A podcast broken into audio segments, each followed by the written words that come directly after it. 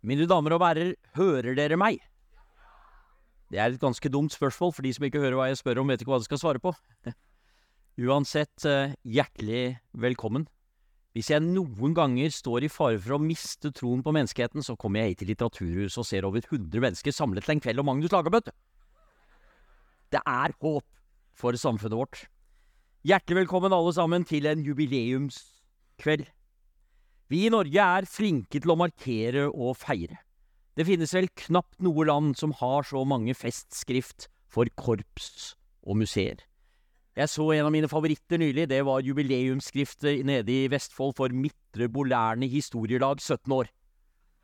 Her er vi flinke til å markere. Mine venner, det vi samles om i kveld, er det virkelig viktig å markere, og det er ikke for å si at det ikke er viktig å markere Midtre Bolærne 17 år. Vi snakker om noe som er av betydelig interesse både rent historisk, juridisk og politisk. Tusenårsjubileet for kristenretten på Moster, og 750-årsjubileet for Magnus Lagabøtes landslov av 1274. Noen av Norges fremste spesialister på denne tidens juridiske tenkning og praksis er med oss i kveld, så vi kan glede oss. Mitt navn er Henrik Syse, og jeg er her først og fremst for å starte det og sørge for at de slutter i tide innen klokken åtte. Og jeg ønsker dere i tillegg hjertelig velkommen. Jeg må innrømme at jeg hadde lurt på, da jeg skulle ha denne introduksjonen, om jeg rett og slett låne noe av det beste som er laget om middelalderen i Norge, og det er Lars Mjøen og Knut Lystads klassiske Norges ukjente konger. Men det har vi ikke tid til, så jeg kan bare anbefale for dere å finne det frem på Spotify. Der får vi blant annet høre om Magnus Bøtteknotter. Magnus Bøtteklotter lagde knottene til bøttene til Magnus Lagerbøtter. Men jeg skal la det ligge der. Bare antyde at her er det rike kilder til innsikt. Denne kvelden er arrangert av Fagsjekk, som er et initiativ for å støtte kritisk tenkning og faktasjekk i skolen, og av Skaperkraft, en kristen tankesmie som i flere år har engasjert seg i dette og mange andre viktige temaer. En stor takk til alle som arbeider for og i Fagsjekk og Skaperkraft, for å skape denne kvelden. Personlig har jeg fått være med i en faglig referansegruppe som tar for seg det vi har kalt jubti, jubileenes tiår. For det er mange hendelser fra det vi i ettertid litt nedlatende har kalt middelalderen, som vi har grunn til å feire dette tiåret. I 2021 hadde vi tusenårsmarkering for møtet mellom Ora Haraldsson og Dale Gudbrand og det vi anser som kristningen av Gudbrandsdalen. I 2022 markerte vi at det var 1000 år siden opprettelsen av Eidsivating, og nå i 2024 er det altså tusenårsjubileum for innføringen av kristenretten på Moster, og 750-årsjubileum for selveste landslov. Og så kommer selvsagt da tusenårsjubileet i 2030, for slaget på Stiklestad. Det har fått navnet nasjonaljubileum, siden det etter 1030 ikke lenger ble stilt spørsmål ved hvorvidt Norge var en enhetlig nasjon eller ikke.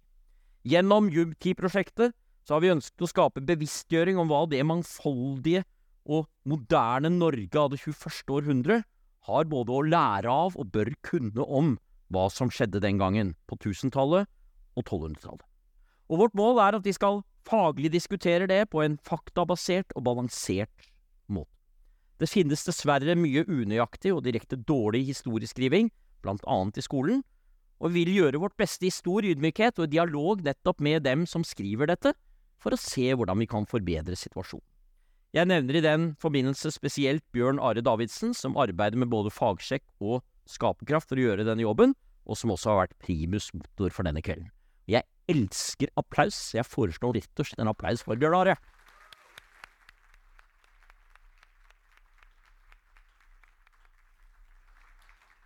Tusen takk, og takk for ditt store arbeid. Og hvis min kone spør hvordan det gikk i kveld, kan jeg si at dere avbrøt meg med applaus. Som kort innledning vil jeg gjerne dele to momenter med dere, et historisk-pedagogisk og et rettsfilosofisk, før vi glir over i samtalen som skal være her. Først det historiske og pedagogiske. Hvorfor skal vi lese historie? Og hvorfor skal vi forsøke å gjøre den så nøyaktig og riktig som mulig? Det er i hvert fall to grunner som gjerne anføres for hvorfor vi skal ha en historisk interesse. For det første at vi kan ha noe å lære av historien, og for det andre at historien kanskje kan si oss noe om hvem vi er. Det første poenget kan i sin tur deles i to, nemlig et positivt og et negativt. Vi kan lære av forbilder og gode eksempler, og lære noe om hva vi trenger å ta vare på fra for eksempel en tradisjon. Og vi kan lære av tidligere tiders feil, og dermed se tydeligere hva vi må inngå, unngå. Den underliggende tanken er at selv om historien aldri gjentar seg med 100% nøyaktighet og likhet, kan visse mønstre være gjenkjennelige. Europas vonde fall inn i de totalitære tragedier og verdenskrigenes brutalitet i det tyvende århundrets første halvdel forteller oss åpenbart noe om hva slags tanker, grupperinger og personligheter som kan ødelegge et helt samfunn og en hel verden. Bevissthet om det er uhyre viktig, slik at vi ikke havner der igjen, og da sier det vel seg selv at den bevisstheten skal baseres i størst mulig grad på sannferdige fortellinger. Så vil det alltid være tolkninger. Vi må alltid plukke ut noe og utelate noe annet, men derfor trenger vi i tillegg den åpne pedagogiske debatt, hvor vi kan irettesette hverandre i det jeg håper er et godt akademisk fellesskap. Men hva med identiteten? Hva med dette med hvem vi er? Jeg er nå av den tro at skal vi stå imot undergravende krefter i samfunnet som truer rettsstat og folkestyre, så er det viktig at den kampen blir noe mer enn bare noe rent pragmatisk uten bevissthet om hva som driver oss. Den underliggende påstanden er at det å være norsk, det å være europeisk, det å være del av en kristen kultur, ja, det betyr noe også normativt. Det vil si det har et innhold som ikke bare sier noe om hvem vi faktisk er, men også hvem vi bør være, og ønsker å være.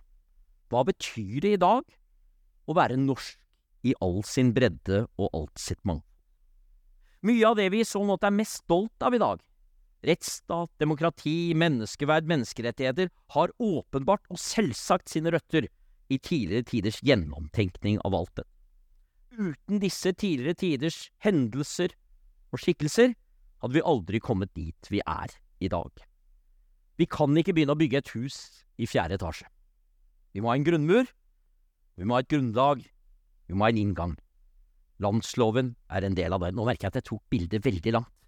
Havnet nesten i Det norske hus, med stor respekt for min gode venn Torbjørn Jagland. Så skal, men, det, men, det, men, det, er noe i dette. Det er et godt bilde. For hvis vi ikke har en bevissthet om hvordan dette er bygget opp, og ikke minst hva det hviler på, og hvor solid det er, så kan vi trå veldig feil. Landsloven er en del av det. Den skal ikke idylliseres eller mytologiseres, men den må, som vi skal få høre i dag, inngå i en fortelling nettopp om hvem vi er, og hvem vi ønsker å være, og om hvilke humane idealer som former oss på det, vårt beste. Og Det leder meg til mitt avsluttende poeng i denne korte introduksjonen, og det er det rettsfilosofiske. Jeg skal nå gjøre et tre minutters forsøk på å gi dere en innføring i 1200-tallets naturrettstenkning. 1200-tallet utgjør en av de viktigste og mest innflytelsesrike århundrer i politisk filosofi og rettsfilosofi. Med utgangspunkt i Gratians store samling av kirkeretten fra 1100-tallet og den latinske gjenopptagelsen av Aristoteles på 1200-tallet, oppstår det en rik akademisk samtale om rettens grunnlag i Europa. Hva betyr det at noe er rett, og hvor kommer den retten fra? Det er flere store tenkere som eh, vi eh, gjerne assosierer med dette. Albertus Magnus og kanskje ikke minst Thomas Aquinas som to av de viktigste. Jørn, som den dertølvis skal høre, Jørn Øyragen Sunde, viser i sin viktige, nylig utgitte bok om landsloven hvor sannsynlig det er at kretser som deltok helt fysisk og konkret i skrivingen av landsloven, muligens den kommende konge selv, deltok i denne samtalen i Europa. Var til stede i rom hvor dette ble diskutert, ja, flere av dem hørte med en viss sannsynlighet Thomas Aquinas selv forelese i Paris om dette. Hva var Thomas Aquinas grunnidé om retten og det politiske samfunn? Jo, at vi mennesker deltar, som han sier, participatio, vi deltar i det vi kan kalle den universelle rettferdighet, Guds evige lov. Det gjør, gjør vi gjennom at vi som tenkende vesener faktisk har en evne til å forstå og gripe hva som er rett. Det er ikke tilfeldig, det er fordi vi gjennom vår tenkeevne har muligheten til å delta i den rasjonalitet som finnes i det skapte. Det naturlige rette må så spesifiseres ut fra kontekst og tradisjon. Når vi faktisk skal skrive lover, så kan de bli helt forskjellige, de. I Egypt eller i Hellas eller i Roma. Og det er Thomas Aquinas tydelig på. Men det finnes noen grunnleggende trekk ved selve skaperverkets innretning som også er normative, naturlig rette. og som faktisk kan fortelle oss om den loven vi her står overfor, er rettferdig eller. Hva var dette? Jo, det er jo nettopp det vi kaller naturretten. Den representerer høyere rettferdighetsidealer som en legitim lov må gjenspeile. Og jeg tror at de som skrev denne loven, som endte opp som landsloven i 1274, hadde nettopp disse tankene med seg. Dette skal være en rettferdig lov for menneskene. Disse idealene omfatter ideer rundt bevaring av liv, beskyttelse av familieliv og gode oppvekstvilkår, rom for åndelig og kulturelt liv, i det hele tatt ivaretakelse av det som gjør oss til mennesker, og som gjør at vi, for å bruke et uttrykk som Thomas Aquinas bruker, vi skal ikke bare leve, men vi skal leve godt, og vi skal leve i samfunn med hverandre. Fra denne tenkningen, mine venner, går det en direkte tråd til vår tids tenkning om rettferdighet, rettsstat, menneskeverd og menneskerettigheter. Mye er skjedd i mellomtiden. Ikke minst har det skjedd innovasjoner, både terminologisk og juridisk. Selve rettighetsbegrepet som sådan er veldig lite fremtredende i det 13. århundre og kommer for alvor frem senere, men likevel er disse tankene fra kristenretten og ikke minst fra landsloven unikt viktige for de rettslige og politiske institusjoner og elementer som vi kjemper for å ivareta i dag. Og ikke minst finner vi i dem veldig mye av den kristne tenkning om mennesket og menneskets verdi, som vi jo mener som arbeider med dette ennå spiller en rolle. Det var forelesning.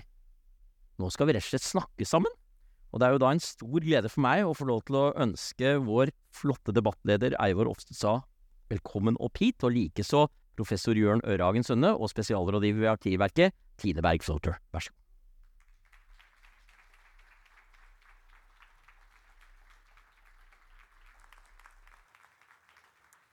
Skal jeg presentere det derfra, eller? Skaffen. Ja, der.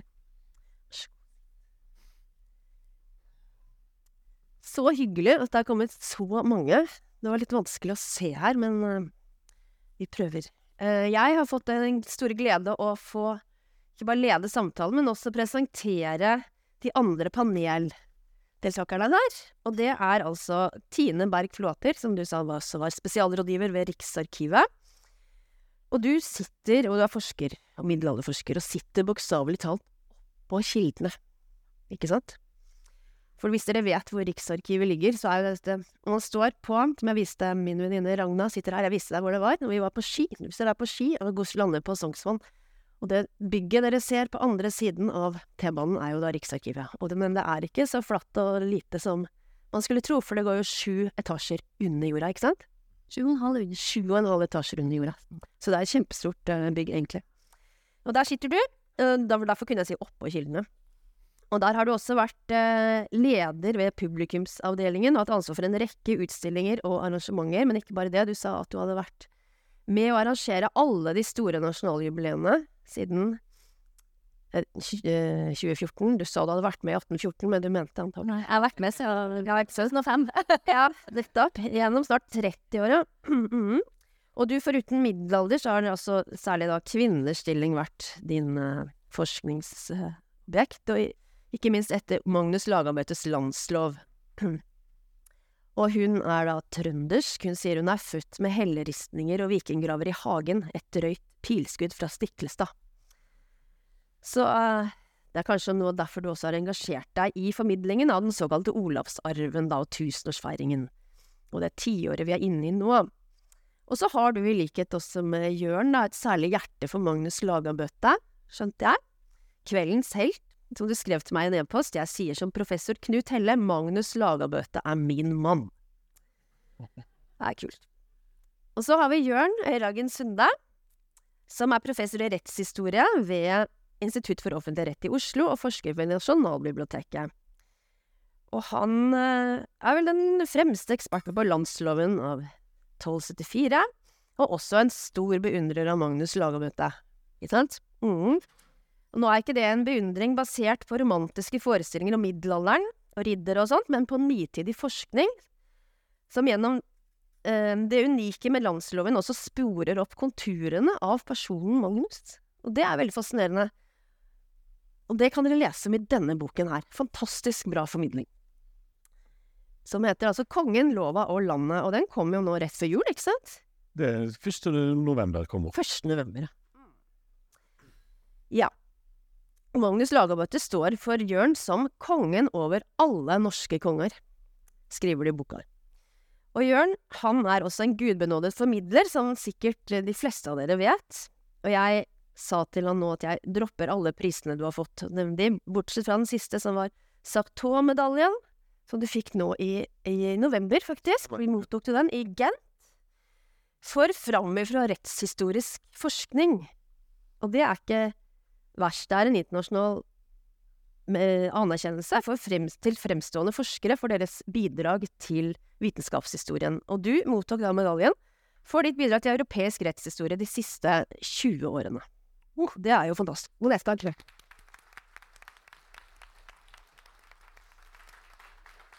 Så her, altså med disse kapasitetene, så vil jeg si vi har ikke bare de beste norske, aller fremste norske formidlere av landsloven og norske rettshistorien i middelalderen, men de verdens fremste formidlere og forskere på den norske rettshistorien og landsloven i middelalderen. Det vil jeg si. Um, ja, men vi må i gang. Ja, da har jo Henrik snakket om Introdusert tema. Nevnt tema er altså 1000 år siden kristenretten på Moster 1024. Og 750 år siden landsloven, som Magnus Lagabøtte fikk bøttet sammen, ja, eh, laget. Apropos Magnus Bøtteknott, hva du sa, dere må også se på Øystein Sundes Soga om Harald Jordfred. Jordfreser, Ja. Men ok. Jeg tenkte vi kunne starte med å sette litt rammene da for kvelden. Hva er det egentlig vi snakker om? Vi skal 1000 år tilbake i tid. Hva slags samfunn er det vi da, hva slags Norge er det vi snakker om da, og hva er det egentlig dette handler om, hvis du kunne si litt om det først? Mhm. Mm. Hvis vi begynner med kristenretten på Moster, så er da rett og slett en relativt stor samfunnsreform gjennom ny lovgivning som eh, Olav den hellige står for. Eh, han er blitt kristna i Rouen i Frankrike, i Normandie, eh, og der har han òg møtt lovgivningsideen og idealet om kongen som lovgiver. Og det er kanskje en av de mest sånn varige tingene etter Olav, Olav den hellige sitt styre, det er denne kristenretten. Men hva er det den da inneholder? Vi kan dele kristenretten opp i, i tre deler. For det første så inneholder den regler om hvordan en kristen skal leve, altså faste dager, da at du ikke skal arbeide på helligdager, du skal gå til messa, alle skal gravlegges på kirkegården osv. En masse handlinger som definerer deg som kristen. Så den ene tredjedelen.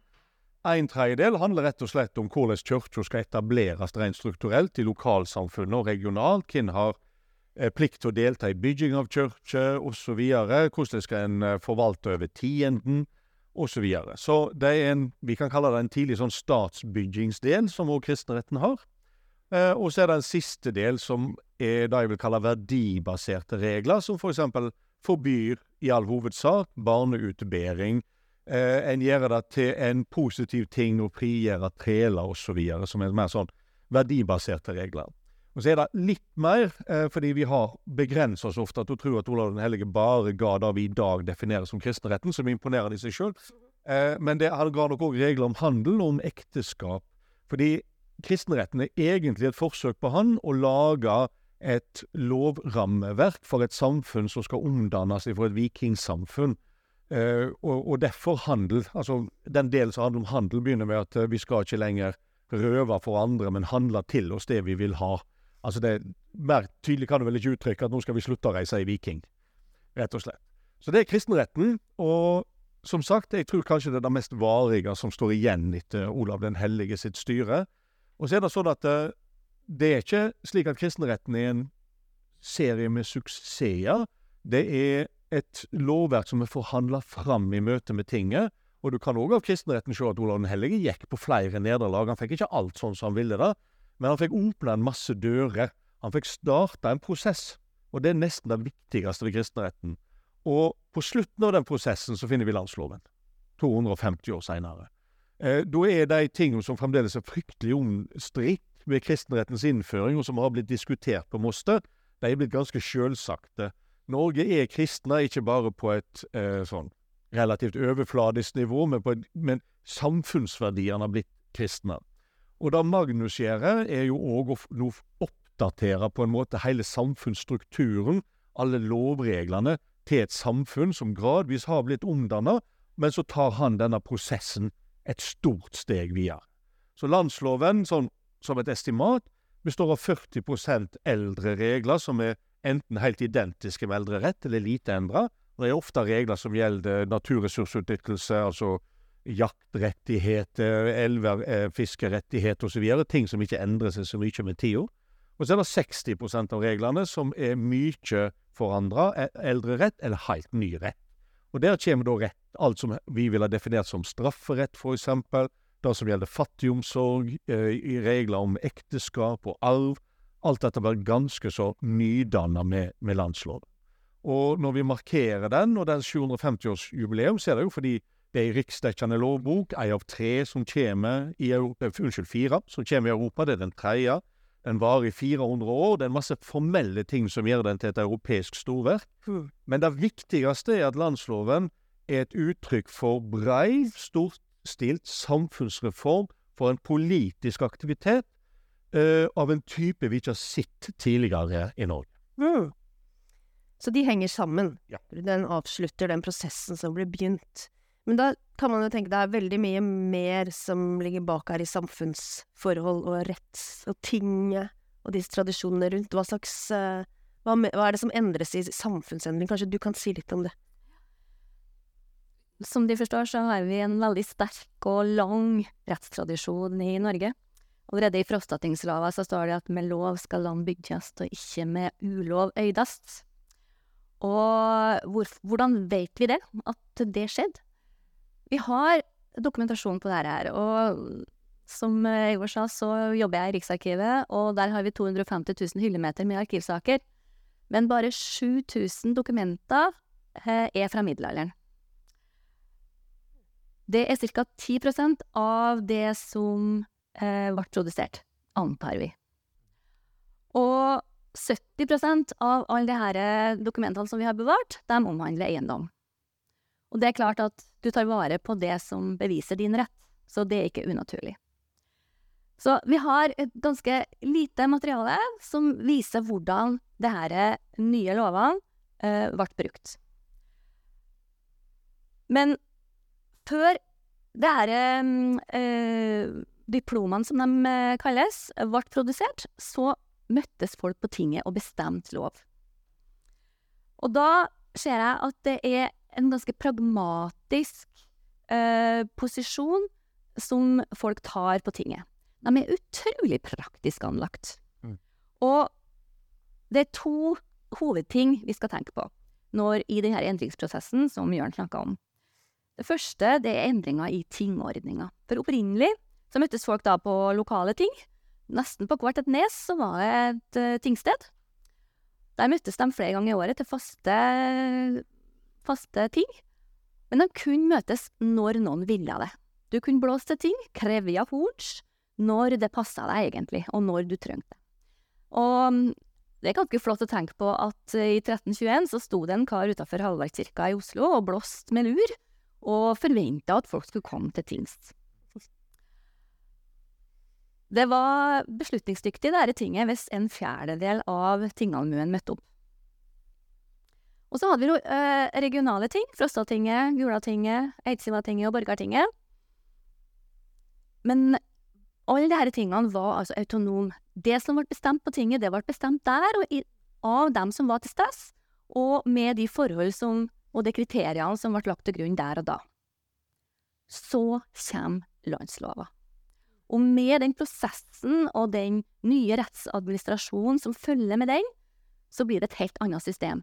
Plutselig så er det et, um, en, et nivå, og flere nivå, på uh, rettsadministrasjon, sånn som vi kan kjenne igjen i dag, med ankemuligheter og med en filtrering fra kongen nedover når det gjelder presedens. Det var helt nytt.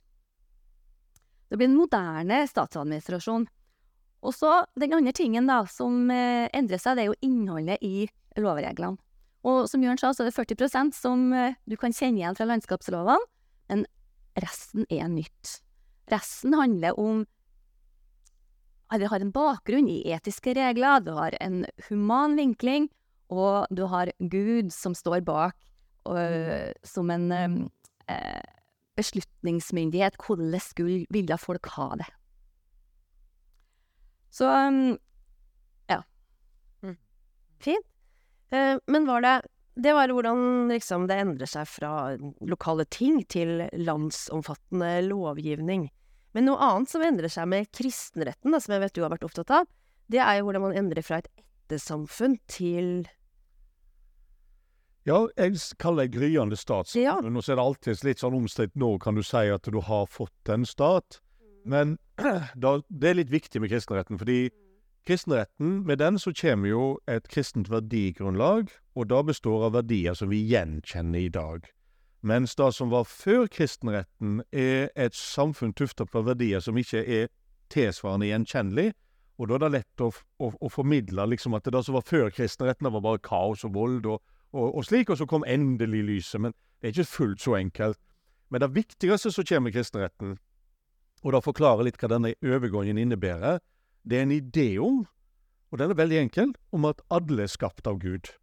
For straks du har den ideen, så begrenser det hva du kan gjøre mot andre, for da er jo vi egentlig alle søsken. Og da begynner slaveriet etter hvert å bli problematisk, ikke med en gang, og for all del i historien òg kirka har hatt slaver, men desto mer du tar inn over deg dette utover 1100-tallet, så blir det litt begrensa om du kan slå og banke folk, som jo egentlig òg er et menneske, ikke bare en slave, for eksempel. Så får det begrensninger deg hvordan du, om du bare kan gifte vekk kvinner som om de var i vare for å bygge allianser og, og lage nettverk. Så med en gang den kommer, så får du en allmenn omsorgplikt for absolutt alle, ikke bare de du er i ett med. Og så er ettersamfunnet litt mer kompleks, fordi det er jo ikke bare et familiesamfunn, for det er litt mer fleksibelt. Du kan komme inn og ut av ett og uten å være nødvendigvis i den familien. Jeg kaller det av og til et klansamfunn. Men i alle fall, før kristenretten, og for så vidt en god stund etterpå, så er altså omsorg, gjensidige forpliktelser og alt sånt knytt til etto. Og så får du gradvis oppløsning av etto, og så får du et samfunn der du tenker på at iallfall alle innenfor riket har forpliktelser overfor hverandre. Og dette tar som sagt lang tid, men når vi begynner 1100-tallet, er vi fremdeles et ettersamfunn. Altså kristenretten har ikke avskaffa det uten videre. Men når vi avslutter 1100-tallet, så begynner ettersamfunnsstrukturene å gå i oppløsning. Nå kan vi lese ut av både Fostertingsloven og Gulatingsloven. Da ser vi virkningen av kristenretten. Den er ikke umiddelbar. Som jeg sa, kristenretten dreier seg om å åpne en del dører, og så vil du få virkningen etter hvert. Og hvis vi sammenligner hvordan det er beskreven, faktisk i Gulatings- og Fostertingsloven, med landsloven, så er det helt, en, en vid forskjell i verden. I landsloven betyr S rett og slett hvem du er i slekt med, men det skaper ikke den type gjensidige forpliktelser og omsorgsansvar osv. som de gjorde tidligere. Nå er det nye strukturer, og kongelig initierte strukturer, Mm. som skaper det. Mm. Så da har du um, du må, Altså, det nye som kommer inn Du må prøve å få tak i det nye som kommer Det virker jo som om dette da er, dette er veldig viktig for kristningen av Norge, ikke sant? Eh, vil dere si at Norge ble kristnet med kristenretten, for eksempel? Kan vi si det, eller det er jo også en del av en lang prosess. Kan du si noe om den plasseringen av kristenretten i 1024? Hvis det var 1024, da. Ja. Hvis det var i historien om kristningen av Ja. Norge. Altså bare først 1024, der må vi stole på, på Snorre, og han er ikke alltid helt å stole på. Men om det var 1022 eller 1026, betyr jo egentlig ikke så veldig mye. 1024 er et like godt årstall. Eh, den, den kommer på den tida da Olav den hellige er sterk nok til å ta initiativ til en sånn reform. Så må vi òg huske at dette er politisk veldig radikalt. Fordi det han gjør, sånn som jeg ser det Nå er det forskerne litt uenige her. Så Absalon Taranger og meg, vi mener dette.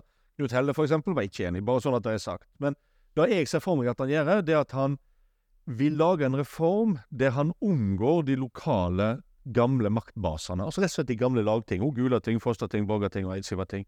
Og så lager han et nytt ting på Moster. Det har aldri vært noe Altså, det har vært lokalting på Moster og Bømlo. Okay. Men nå lager han et slags eh, Taranger, absolutt, jeg kaller det et nasjonalt parlament. Der han velger ut nye folk. Han lager på en måte en ny maktelite som skal vedta nye regler for det nye Norge, det som skal vokse ut av vikingsamfunnet. Og så går det helt skeis. Altså, det er nesten naturlig at de dreper han på Stiklestad. For alle de som blir nå sjalta ut av makteliten, vil jo ta han, og da greier de jo til slutt òg.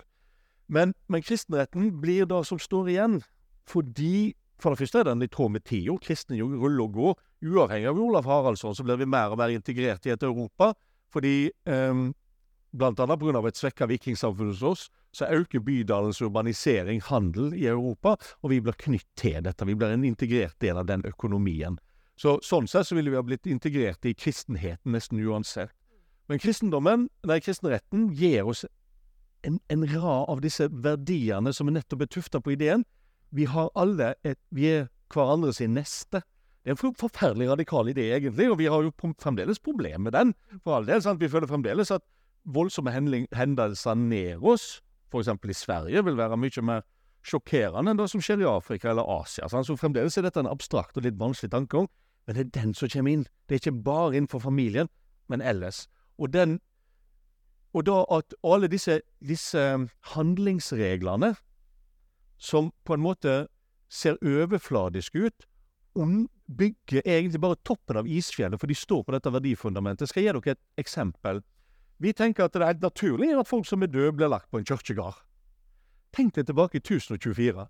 Et samfunn der odelsbonden blir lagt i haug, og trælen blir muligens bare kasta i en myr. Plutselig så skal de ligge på samme geografiske område, og så får de litt orden på det her rundt Oslo, i Borgarting, sant? hvor de bestemmer at ja, ja, men Eh, odelsbonden skal iallfall ligge ned kirka, og så får trælen heller ligge helt ute med kirkegårdsmuren. Da blir det litt orden på ting. Litt forskjell på folk. Men det er likevel forferdelig radikalt. Og det bygger jo nettopp på denne ideen. Vi er alle skapt av Gud, han er vår felles far. Da har vi noe til felles, og vi kan faktisk puttes på samme kirkegård. Men de, eh, de, du sier at det kommer fra den ideen, men det er din tolkning. Ja, det står ikke i kristenretten. Nei. Hvis man leser kristenretten, så er det egentlig veldig sånn primitivt, ikke sant? Eller hva vil jeg si, enkelt, da. Det er ikke så veldig mange forklaringer der. Det står du skal bygge en grind rundt kirkegården, og du skal legges der, og det står du skal feire de og de dagene og brygge øl da og da, men det er ingen forklaringer. Nei. Sånn at det, hvor, Hvorfor sier du at han har det fra de tankene, eller hva, hvordan hva bygger du det? Ja, det er helheten i kristenretten, Mm. rett og slett. Altså alle disse reglene, når du legger de sammen, så ser du at det er dette verdigrunnlaget han prøver å innføre. Og så får jeg hjelp. Ja. For at det som er litt interessant, det er jo at når Magnus gjør landsloven i 1274, så sier han sjøl at hans lovgivning, det er bare en fortsettelse av det som Olav gjorde. Mm. Kan du si at Da kan jo hende er ren retorikk. Eh, alt i Magnus sitt liv indikerer at han tror at det er en fortsettelse. Og når vi ser på reglene og hva type regler Magnus òg skaper, så er det jo nettopp det samme.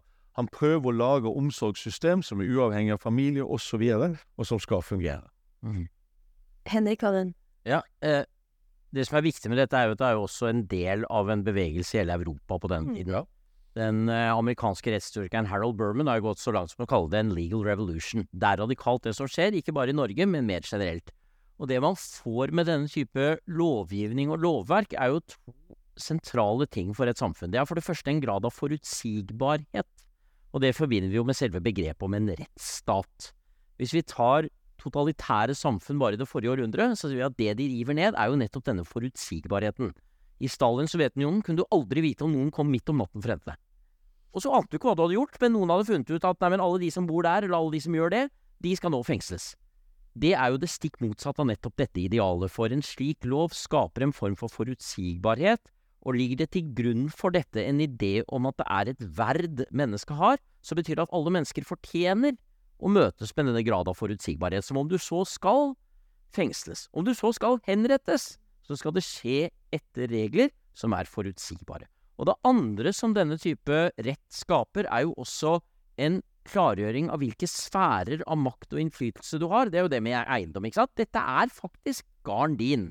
Og dette har vi fastslått ved dette skjøtet, og det er underskrevet og tinglyst. Og det er jo det som ligger til grunn for noe av det mest berømte som skjer i middelalderen, og det er ikke i Norge, men i England, Magna Carta. Og noen tenker på Magna Carta som et tidlig sånn menneskerettighetsdokument, og det er nok å gå litt langt. Men det er et dokument som sier at ja, men her har du, som adelsmann, rettigheter som kongen ikke har.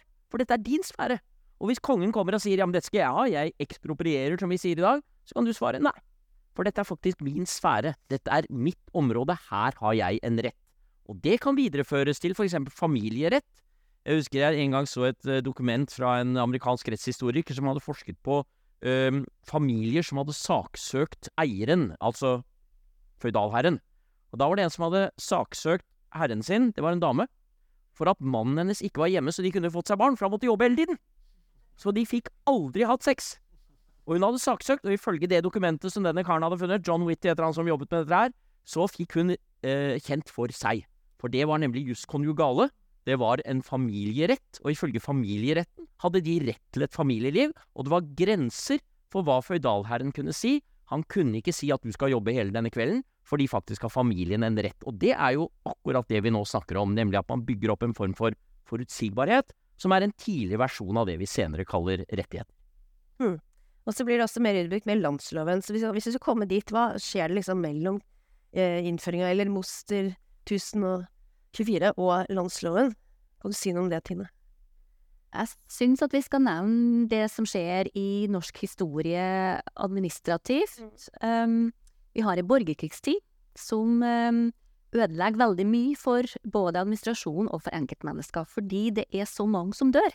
Mange av de store herrene, uh, mange, altså det er så mange menn som uh, forsvinner. Og det er så mye uro i hele landet. Det er regionale endringer, og det er småkonger som står mot hverandre over en lang periode. Men så skjer det noen ting da midt på 1200-tallet. Og det skapes et handlingsrom for eh, andre ting enn å slåss. Og det er det som gjør at vi er så heldige, da, at vi har en konge plutselig, som eh, har en forutsetning til å kunne gjøre noe med det her, og som ser at han kan benytte sjansen til å skape en statsadministrasjon som er annerledes og mer moderne. Han heter Magnus. Ja.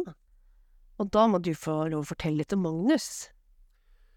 Ja, eh, han er egentlig Jeg pleier å si at han er kongen som aldri skulle hatt blitt konge. Mm. Eh, og det er to grunner til det. Den første er at han er ikke eldste sønn. Han har en eh, eldre bror. Eh, I tillegg så får den eldre broren, som blir gift med Rikitsa, som vi godt kan kalle svensk prinsesse, han får òg en sønn. Og dermed så er Magnus egentlig tredjemann i arverekkefølga. Så et, Og jeg tror ingen så på han som en potensiell konge, ikke bare fordi han var tredjemann i arverekkefølga, mellomalder i mellomalder, og folk dør veldig brått. Så da var alle klar over. Men hvis det var noen som skulle dø, så var det Magnus, ikke broren Håkon. Eh, det står aldri at Magnus var sjukelig i eh, kjeldene. Det gjør det ikke.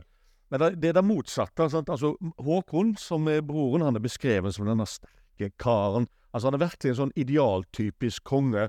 Nett som Olav Tryggvason som springer på årene men, men, mens mennene ror ormen lange. Sånn er Håkon. Han driver med jakt og eh, er en friskus, rett og slett. Magnus han har aldri beskrevet sånn. Altså, han er faktisk egentlig ikke beskrevet i Håkon Håkonssons saga før broren dør. Han er helt usynlig. Og det kan skyldes at han var sjukelig, for det vi ser seinere, er at han blir lett sjuk når han er ute og rir. Han liker ikke å seile i båt, ser det ut som, eh, og han ligger for døden rett og slett flere ganger. Han får den siste olje, eksempel, i 1269. Eh, så han, han framstår som en som er sjukelig, og jeg tror òg det er årsaken til at han ikke deltar i politikk i begynnelsen av livet sitt. Han er helt usynlig, som sagt, i Håkon Håkonssons saga. Han er ikke engang til stede, ser det ut som, når, når faren blir krona til norsk konge av en paveutsending i 1247, en, en giganthendelse i Norge og i Nord-Europa på det tidspunktet. Eh, sannsynligvis er dette òg årsaken til at han ble sendt til fransiskanerne.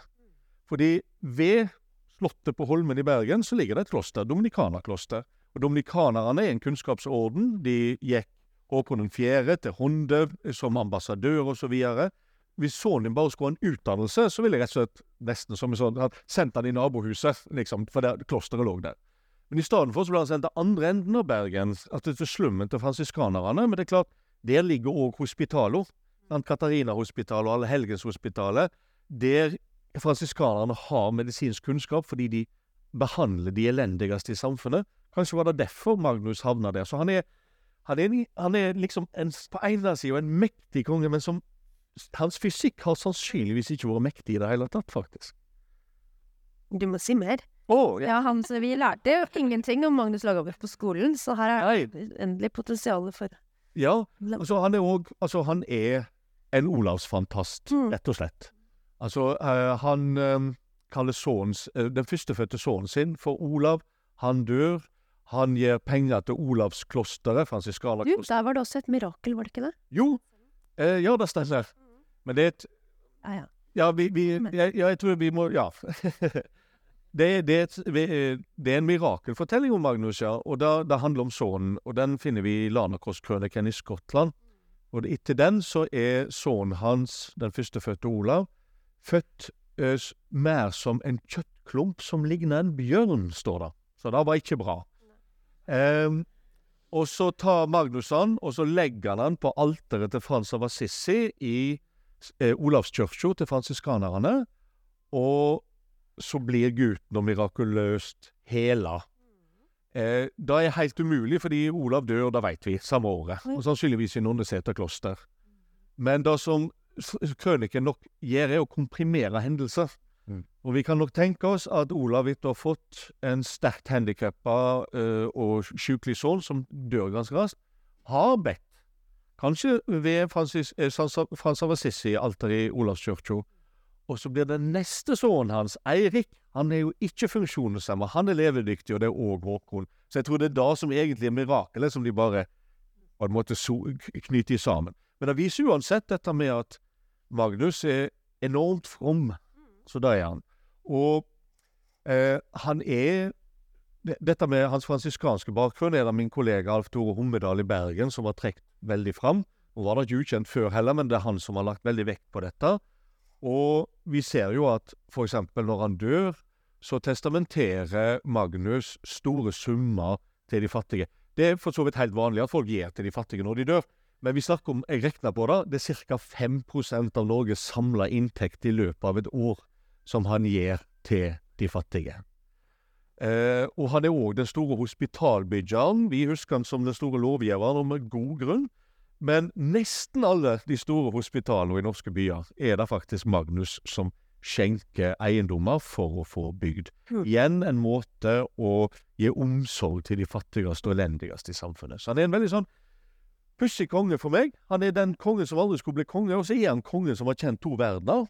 Hoffet har han selvsagt blitt kjent med etter hvert, han blir jo tross alt konge. Men han har òg kjent slummen. Han har kjent hele bredden i det norske samfunnet som han skulle. Ja, og du lager jo en fantastisk eh, skildring av dette i denne boken din, hvor du beskriver skoleveien til Magnus hvis han, han Men han bodde vel egentlig på klosteret, hvis han gikk på skole der. Men du er en fiktiv skolevei, da. Du sier jo Ja. at det er ikke Antagelig gikk han ikke på skolen. Men du beskriver veien fra kongens slott til Ja. dette klosteret i slummen, som viser hele bredden i dette samfunnet, som han da har kjent. Så ja, det var en anbefaling til av den boken. Um, men også, jeg kom på en ting. Det var en mirakelfortelling til, som. Hvor han var ti år. Ja, det Det er masse spennende. Så dere må bare lese boken. Ja, det, det var nok en, en skjellsettende opplevelse Ja. for han. For som sagt, eh, vi finner han egentlig ikke ved Slottet i den politiske kretsen. Og i 1248 så brenner hele Bergen ned. Absolutt alt brenner, unntatt kirkene og slottsanlegget på Holmen. Og det begynner faktisk med at lynet slår ned i huset der Magnus oppholder seg. Som for meg er en indikasjon på at han kanskje ikke bodde på Holmen. Han bor i et hus inne i Bergen, og så slår lynet ned i huset. Men ved Guds mirakel så eh, så blir lynet slått av på veggen og slått ut på vågen. Gnista av det gjør at Bergen tar fyr, men huset der Magnus oppholdt seg, blir ikke ødelagt og brenner ikke ned der og da, så han klarer å komme seg vekk og redde livet. Og da tror jeg i begynnelsen Det kan ha vært noe før òg, men det er sånn som Håkon Håkonsson-saga Vi må forstå den, så dette er begynnelsen på at Magnus begynner å lure på hva plan har Gud for mitt liv? Hvorfor dør ikke jeg i brannen når den starter ved huset der jeg bor? Lynet burde ha tatt meg og mine med seg. Eh, og seinere så tror jeg han òg tolker dette med at han blir konge. Altså broren Mm. dør, han får nok lungebetennelse etter en jakttur. Eh, og så dør, av grunner vi ikke veit, hans nevø. Og jeg tror nok òg at disse hendelsene, at plutselig så er du konge, du dør ikke i brannen. Så Magnus har nok grubla veldig på hva er Guds plan, og så blir det, det blir landsloven. Som blir hans misjon, og det han tror er hans eh, oppgave i livet. Og det er litt sånn, bare for å ta en sånn siste ting Marius lager ikke bare landsloven, han lager flere lovbøker. Den siste er lovbok for Island, som er ferdig våren eh, 1280. Og jeg ser liksom for meg sånn rundt 1. mai, så vinker han til skipet som reiser til Island med lovboka. 9. mai dør han. Da tror jeg Altså, misjonen hans var over. Da, da holder ikke denne sjukelige kroppen lenger. Men det er en tolking. Vi veit ikke, altså. Ja, ja, ja. Det er min tolking. Veldig fin tolkning. Men vi må høre mer. Hva er det som Hva, er det, hva slags elementer er det han bruker? Hvordan blir denne landsloven til? Hvor kommer impulsene fra? Hva er det som er så spesielt? Nå har du nevnt én ting, er jo fransiskanerne. Det er jo en Ja. fantastisk spennende tanke å forfølge, da. Ja, det er to ting først da med fransiskanerne. Fordi det er en del En ting som er helt opplagt, er jo at en som har erfaring fra fransiskanerne i Bergen og fransiskanerklosteret, han vil bli opptatt av de fattige og de elendige. Og landsloven lager gode ordninger for å ta vare på de fattigste. Han bygger jo hospital for å ta vare på de syke. Men landsloven er òg veldig radikal når det gjelder å gi straffefrihet og ja, protorettigheter til de psykisk syke, f.eks. Så det er mange grupper i samfunnet som får en bedre stilling på ulike måter med, med landsloven. Men, eh, og, men det er andre ting òg som reflekterer hans fransiskanske bakgrunn, som vi ikke tenker på. Og det er f.eks. at landsloven og den senere byloven inneholder det vi kan kalle for protohandelsregulering. En, en, et, en markedsregulering og en handelsrett finnes egentlig ikke ordentlig på dette tidspunktet. Eh, Fransiskanerne foreleser om det, men bøkene, eller manuskriptene kommer først senere på 1200-tallet etter landsloven. Men, men landsloven og byloven inneholder en del handelsregulering, for det var fransiskanerne opptatt av. For de mente at hvis du ikke greier å skape et overskudd i samfunnet, blant annet gjennom handel, har du ingenting å gi til de fattige. Så handel er bra. Og landsloven utvikler norsk handelsrett voldsomt, altså like mye som fattigomsorgen, faktisk. Så det, det viser at jeg tror han har blitt virkelig utdanna fransiskanerne. Altså, han har hørt tanker som vi seinere finner nedskrevne, men som nok allerede har, har svirra i lufta. Og så er det veldig viktig, da, som Henrik sier, at vi må huske at i, i dette tilfellet så er plutselig Norge i en situasjon der vi ikke trenger tenke alle de store, vanskelige tankene, fordi de blir tenkt. Det blir diskutert. Det skjer enormt masse i Europa på 1200-tallet. Og jeg påstår annet i boka at forskjellen på den første litt mislykka landsloven som kommer i, i 1267 og blir parkert i 1269, og landsloven som er veldig vellykka i 1274, det er faktisk bare at det skjer et generasjonsskifte i rådgiverne til Magnus. Fordi kunnskapsutviklinga skjer så fort at den gamle skolen var i stand til å lage en lovbok, men den var ikke sånn superbra. Og så kommer det inn nye folk som er utdanna på 1250- og 60-tallet, og de har masse ny kunnskap som de er i stand til å, å bruke til å utforme en veldig god landslov. Så vi må huske at eh, landsloven er morsom, fordi den, den på den ene viser at den, den tar kunnskapsbeter som finnes masse av der ute, å bruke, men så omdanner en det og fikser litt på det og gjør ting på sin egen måte. Så det finnes det ingen lignende lovbok eller sånn som, som landsloven i det hele tatt, fordi den er så eklektisk med å ta kunnskapsbeter og inkorporere i ens egen heimlige tradisjon. Mm. Men hvis jeg får lov til å og så bare si en siste ting, dette med, med Thomas Aquinas, som en kan jo ofte mistenke at Thomas Aquinas ligger bak her. Men det er litt vanskelig å bevise. Men så har vi enkelte sånne ting der eksempel Thomas Aquinas er en advokat for at den sultne og arbeidsuføre som stjeler, kan ikke straffes. Det er nødrettstankegang. Fordi du har først plikt overfor deg sjøl, altså holde deg i live, og så har du plikt overfor andre, f.eks. ikke ta andre sin eiendom. Dermed så, så kan du eh, ta mat hvis du ikke får mat når du er sulten og arbeidsufør og ikke har noe annet valg. Dette er ikke en ukjent tanke i Europa, men Thomas Aquinas er den som utvikler den og markedsfører den hardt. Eh, og vi ser jo at den er kjent, men det er bare landsloven som har Han er dominikaner, da. Ha? Han er dominik Han var dominikaner. Men da, tror- jeg tror ikke de var så døgnet døgne på det, men da får Henrik kommentere. Men da, den ble, og den ble gjennomført, og bare der. Eh, sånn at selv om mange kjente det samme filosofiske og rettslige grunnlaget, alle disse nyvinningene som finnes der ute, så det som gjør at jeg kan skrive en bok om Magnus ut ifra landsloven, det er jo hvorfor velger han å ta den radikale regelen? For eksempel, fordi den er ubehagelig, den regelen. For når er du sulten nok og arbeidsufør nok til at du har lov til å stjele? Forferdelig vanskelig. Det er Sånne regler prøver vi ofte å unngå. Eh, mens Magnus bare tar han inn. Det er det det står, ikke sant? Ja. Og hvis du er mett, eller hvis du kan jobbe, så får du ikke lov å Da får du straff. Ja, Og at du ikke har straffa. ja for at eh, loven setter opp to vilkår. Du må være sulten og arbeidsufør. Mm. Er du bare sulten og tigger mat, eh, så skal du ikke få mat. Du skal settes til arbeid, for da er du arbeidsfør. Og vil du ikke arbeide, så skal du få en omgang juling og settes i arbeid. Så, så, så dette er den knallharde arbeidslinja, rett og slett. Og Her, her ser vi en linje fra Magnus Lagabøte til uh, Tonje Brenna, gjør vi ikke det? La oss si. Nei da, det, det, det som er morsomt med dette, er jo eh, direkte relatert til arbeidet som eh, Fagsjekk, eller Faktasjekk snarere, og, og Bjørn Are og andre arbeider med. Fordi det inntrykket man noen ganger får, er jo at du har en veldig sterk innflytelse fra kirken og kristen tenkning, og hvis den da fremstilles som nærmest sitt overtroisk, så var det slik at i middelalderen så hadde man masse overtroisk tenkning om det var Gud som styrte alle ting, og så kommer senere kommer opplysningstiden som måtte rydde opp i det, for den lar oss styre rasjonelt av fornuften. Det som jo kjennetegner denne rettsstikkingen på 1200-tallet, er jo at den for det første er meget avansert, filosofisk, gjennomtenkt, og at den ja, for all del har en idé om at retten har sitt grunnlag i en verdensorden, men det betyr ikke at det er en direkte avskrift av Bibelens lover, og det er en viktig ting på 1200-tallet.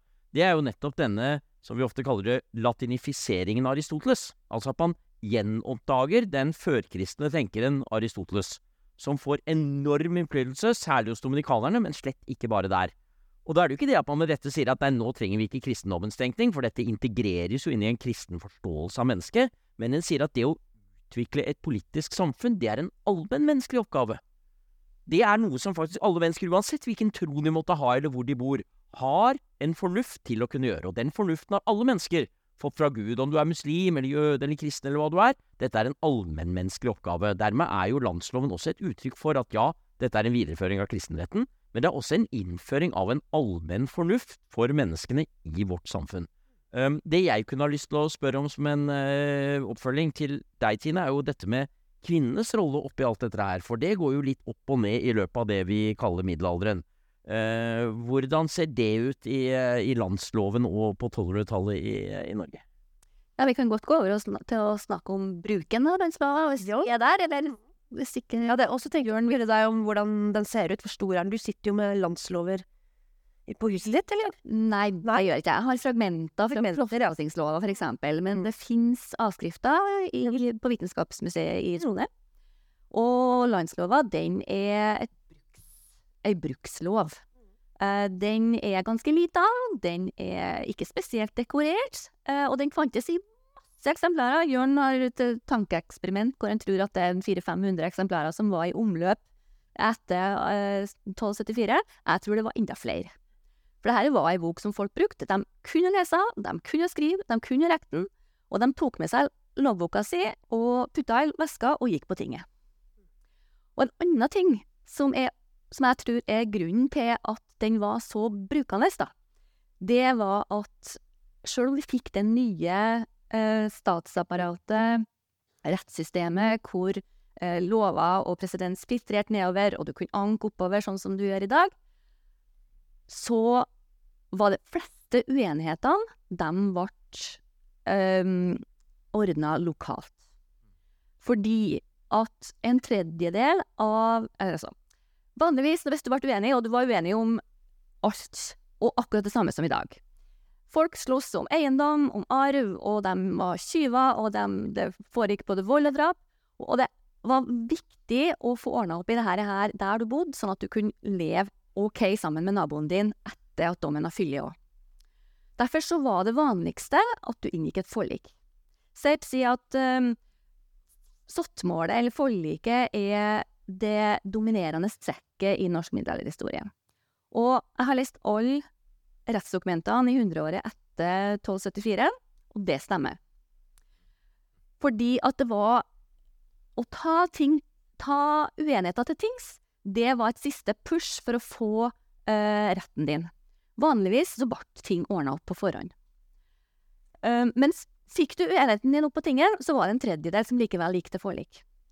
Og det finnes ca. Ja, 2200 tvister som er dokumentert i 100-året etter landsloven. 500 av dem hadde en kvinnelig part, og var det en kvinnelig part i, på tinget, så var, var det 40% som gikk til forlik. Hm. Så bruken av landslova Ja, eh, lovreglene var kjent, og de ble brukt, men ikke sånn at um, du satt der i din seks eller åtte eller tolvmannsdom i de lille bygd og hadde en, eh, en tvist foran deg, at du gikk direkte inn i loven og sa at ja, her, her, det sier landslova. eh, det var om å gjøre å finne en minnelig løsning. Og det var da kvinner en, fort, eh, en um, foregangs... eh, ja, for, ja, de var foregangsmennesker for det. Og årsaken til at det kanskje ikke er mer enn en fjerdedel av sakene der kvinner deltar, det har med samfunnsoppbygginga å gjøre. Det her er igjen praktiske forhold. Fordi at folk bodde, selv om det var små byer, og noen var større, Bergen var litt større enn andre byer, men folk bodde i et bondesamfunn, de bodde på en gård, og der var det innastoks og utastoks arbeid. Kvinnfolk hadde innastoks arbeid, det betydde at de jobba innafor dørstokken, og de drev med matlaging og omsorg og barn og sånne ting, og hadde ikke like stor mulighet til å reise på tinget. Karer, de var på sjøen, de drev på i, i, på, på jordet og i skogen. Det var deres oppgave å reise på tinget. Derfor så vil du ikke finne så mange eh, kvinner i, i, på tinget, eller i en dom. Men det betyr ikke at de ikke var der, fordi at eh, rettssystemet er fullt av kvinner. Og de ble ikke behandla noe annerledes enn menn. Kvinner var saksøkere, de ble saksøkt, de stilte i ombud for andre, de var vitner. Og de var mer troverdige vitner enn eh, menn var. Og jeg må få lov å gi noen eksempler. um, jeg vet ikke om menn hadde, eller har, eh, en annen agenda. At det kanskje ikke var så um, attraktivt å fortelle hele sannheten. De kanskje hadde noe på bakrommet som de kanskje fikk igjen hvis de vitna på en spesiell måte. Det vet ikke jeg. Men i hvert fall så var kvinner veldig troverdige. Og du finner kvinner som vitner, som lysningsvitner, for eksempel, og det er en praktisk greie. Fordi det var dem som var hjemme, det var dem, det var dem som var innestokks, det var dem som fantes på, på gården når det hadde foregått et drap, og den som hadde drept, skulle lyse drapet på seg. Og det var veldig viktig. Fordi at gjorde du ikke det, så var det mord, og da ble du utlegg. Men hvis du drapet på deg, så kunne du bøte til slektningene til den som var drept, og til kongen, og så var saken opp og avgjort.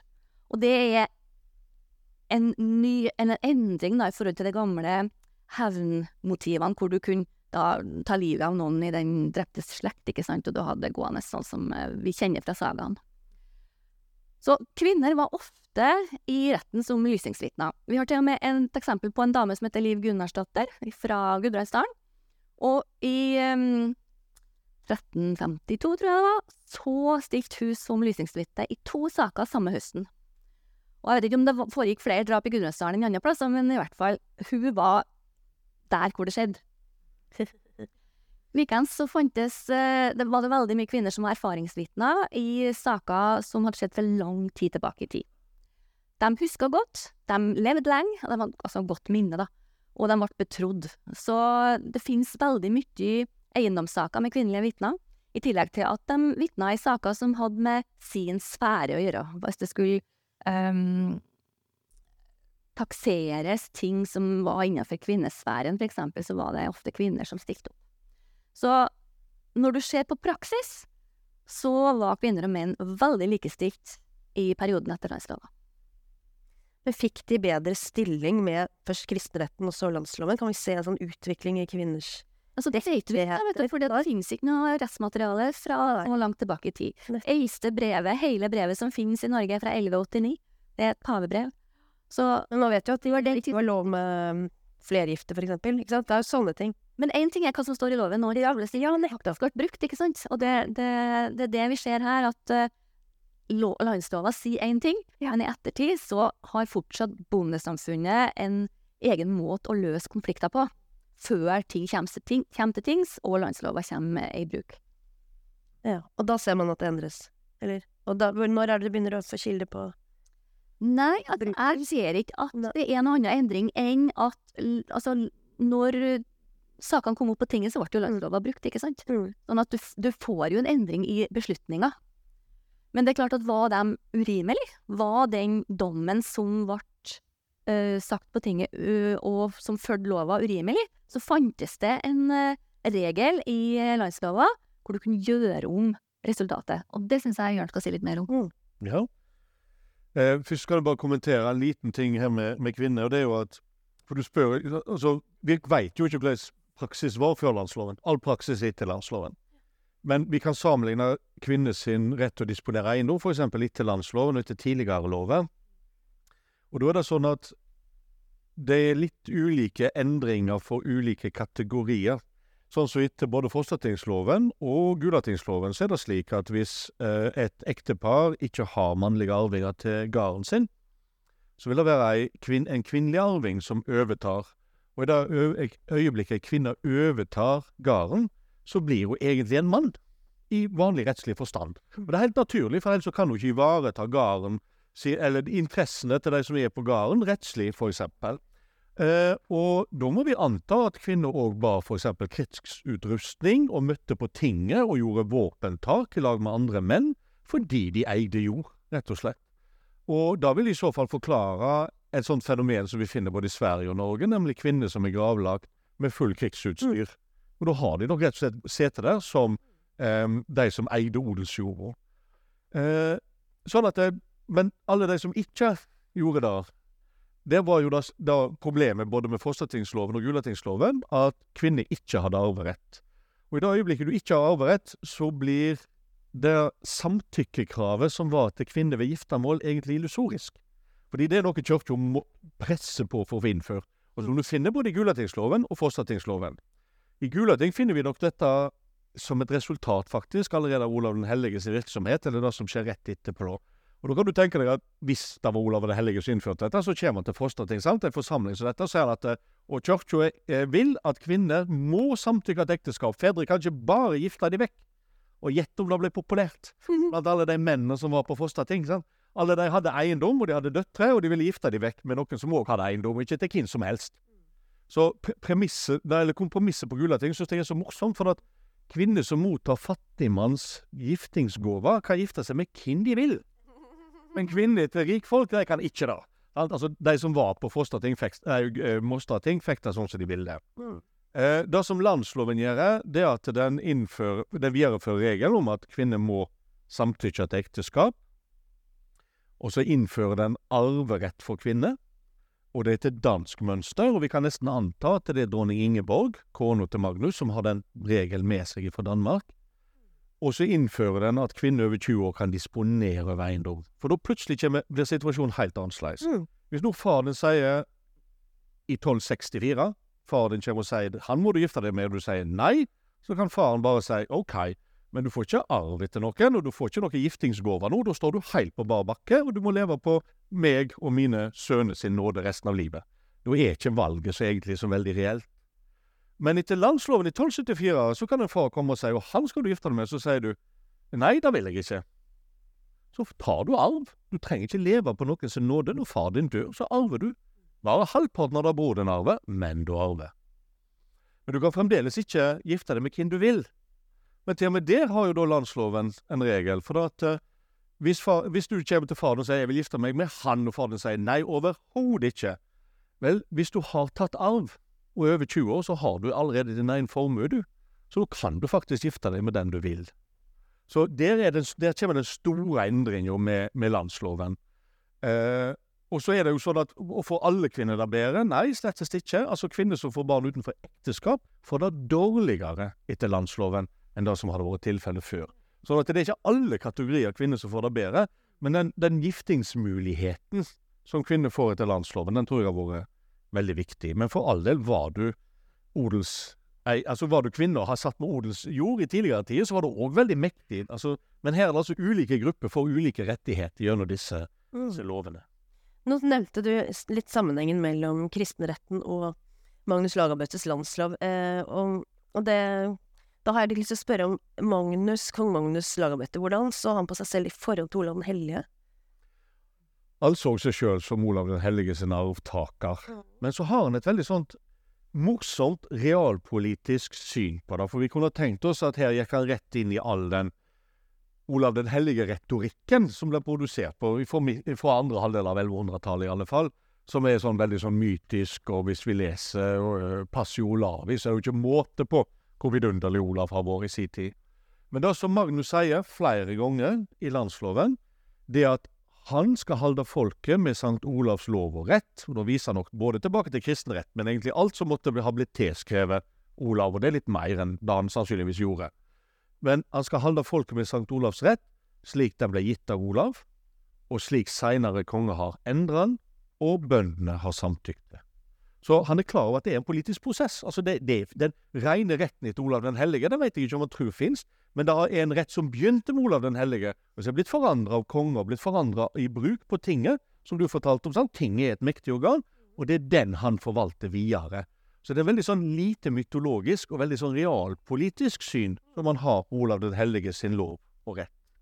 Men du nevner også i boka di at han øh, Han kaller seg ikke vasall, men han kaller seg Det syns jeg var interessant. Du kaller si ombudsmann, og Ja. du tolker, gir det en veldig stor plass, egentlig. Ja, det gjør jeg, for jeg tror det er så viktig. For nå, vi må altså tenke oss at selv om Magnus kanskje er konge som ikke er meint å bli konge, så er han prins. Og prinser på hans tid har blitt opplært i Kongsbeien, som er danningsverk skrevet for framtidige konger. Og der bruker en samme terminologi om kongen sitt maktopphav, som eksempel i Magnus 5. Erlingsson sin kroningsed fra 1263-64. Nemlig at kongen har på en måte fått et slags len av Gud som han forvalter. Og det er en sånn føydal måte å forklare makta sitt opphav på. Makta kommer fra Gud, kongen har fått det i et len og skal forvalte den videre. Og dette er den terminologien som altså har funnes i kroningseden til Magnus 5., og som Magnus er blitt opplært i. Og så bare parkerer han han fullstendig. Og så sier han, for det er jo han som på en måte dikterer hvordan kongen skal framstå i landsloven, han sier at 'jeg er Guds ombudsmann'. Og det er noe helt annet, for at dette føydale systemet det er et veldig sånn rigid maktsystem, der det er, går kommando ovenfra og ned. Mens det han nå åpner for, er jo at du står i en dialog. Fordi nå står, han pliktig til å forvalte Guds vilje, men hvis han ikke forvalter Guds vilje rett, så har han ikke forvalta ombudet sitt rett, og nå trenger du ikke ta hensyn til han. Hva betyr dette i praksis? Så nå er vi inne på det du sa, Tine, sant? og som, som du avslutta med i stad. For at Magnus har fått makt av Gud som hans ombudsmann til å gi lover. Men så sier Magnus, og dette er forferdelig radikalt, at hvis den loven gir et urimelig resultat, så skal ikke folk følge den. Og hvordan kan du få en sånn idé? Det, altså Alle konger vil jo at du skal følge loven hans. Men hvis du tenker deg sjøl som Guds ombudsmann, så hvis Gud kan ikke være urettferdig. Men hva er en ombudsmann? Du må si det. Ja. En ombudsmann er den som ivaretar noen sin interesse. Ikke sant. Så Hvis en f.eks. reiser på handelsferd til Grikenland, som vil si Bysants, så har du en ombudsmann som styrer gården din i midlertida. Det er en ombudsmann. Eller hvis du går på tinget og stiller noen annen i stedet. Ja, stemmer. Og det som er det at det som er viktig med å forstå ombudsmannsordningen sånn som den var i Norge, det er nettopp at hvis du skal være vekke en stund, så kan du ikke reise og si nå skal jeg være i Bysants i fem år, og i det løpet av de fem år skal du gjøre sånn og sånn og sånn og sånn. Fordi det kan skje så masse. Altså, men gården skal selvsagt det skal sås og det skal høstes, men alle de andre tingene har du ikke oversikt over. Så du må ha et tillitssystem der du sier at da får du styre gården som om du og ivareta mine interesser. Det er en ombudsmann. Og kongen er Guds ombudsmann. Men hvis han altså, Magnus har gitt en lov som virker urettferdig, så sier han at ja, men da har jo ikke jeg oppfylt ombudet mitt. Det er sånn han tenker. Og da kan tinget overta, og så skal de lage en ny regel som faktisk er rettferdig. Jeg, det er den ombudsmannstankegangen som gjør dette egentlig umulig, nemlig at kongen ikke bare befaler, men at kongen kan måtte trekke seg tilbake og si OK, jeg gjorde feil, da får dere rette det opp. Som tinget da skal gjøre etter annet. Dette er veldig interessant. For øvrig er jo dette et bidrag fra de skandinaviske språk til engelsk og ombudsman. Ja. Ja, ombudsman Fjord og Quisling, blant annet. Men eh, til det du sier nå, er jo eh, også noen eh, kontroverser i denne tidens rettsfilosofi, nemlig hvor mye skjønn skal man la for eksempel tinget ha vis-à-vis loven? Kan den for eksempel omtolke loven? Og Hvis vi tar Thomas Aquinas igjen, så er jo han veldig opptatt av at det finnes tilfeller der loven kan være urettferdig, så vi skal kunne handle mot den. Han åpner til og med i teorien for tyranniside. Tyrannen er den som har brutt med Guds lov, og da kan det i teorien være riktig at du faktisk dreper kongen hvis kongen er blitt en tyrann. Men samtidig er Thomas Aquinas veldig tilbakeholden ved å si at dette i praksis skal gjøres.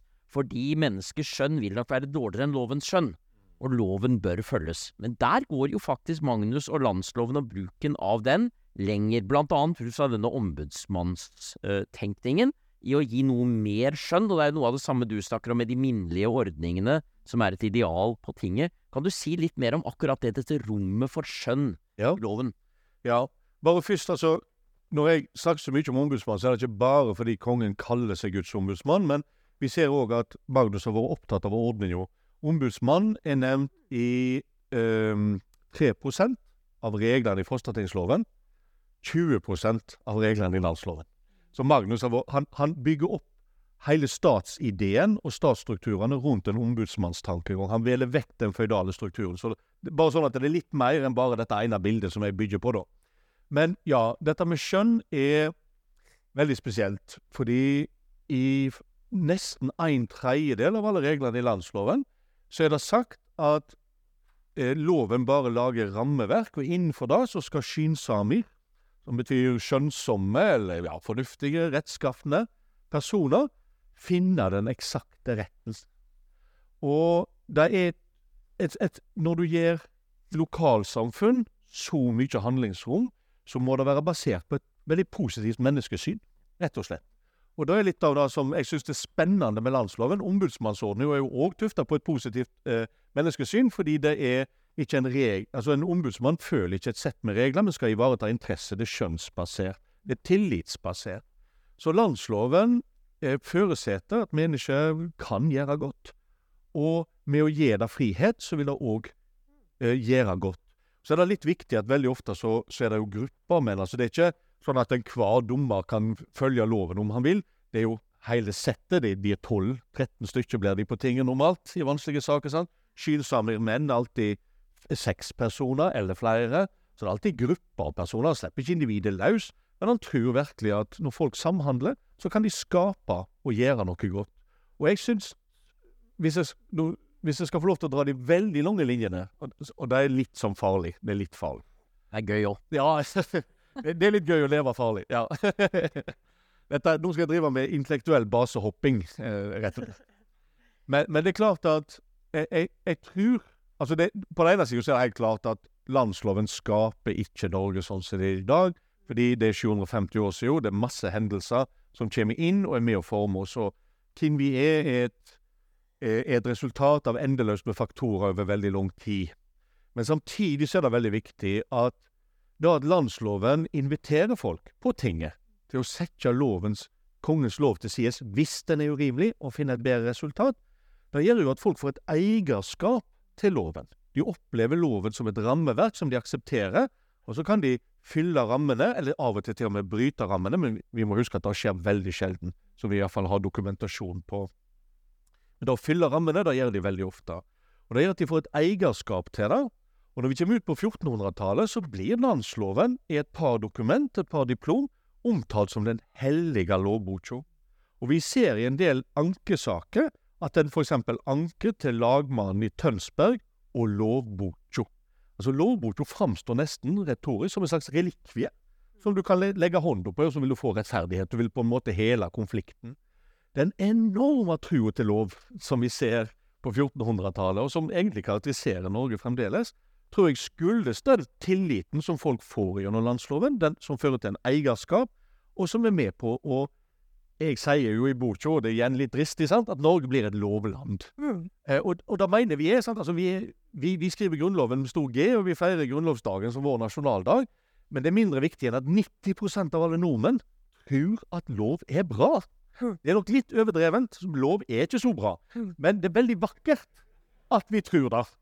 Eh, og hvis du går til sant, Det vanlige i Europa er ca. 65 sant? Russland er nede i 20% Og det er fordi en har en tradisjon med at lov kan være uttrykk for korrupsjon, maktmisbruk, den kan være undertrykkende. Mens vi faktisk, litt for idealistisk, men vi faktisk tror at lov er bra. Og landsloven gir oss iallfall en god start. Jeg tror ikke det er den som skaper den tradisjonen, men den gir en god start. Mm. Ja, det er litt annen start enn å starte med danskekongen. Der har man jo også tenkt at det er det som gjør nordmenn så Ja, ja. underdanige og tiltro til staten og sånn. Men landsloven også. Mm. Eh, vi må begynne å sikte inn mot eh, jubileet, holdt jeg på å si. Men i det lange Hvorfor eh, Altså, nå har vi jo skjønt at landsloven er et ypperlig juridisk og politisk håndverk som er eh, unikt i Europa. Det har vi kanskje ikke snakket for litt om, men det er det jo. Det kan du si, si det i to setninger?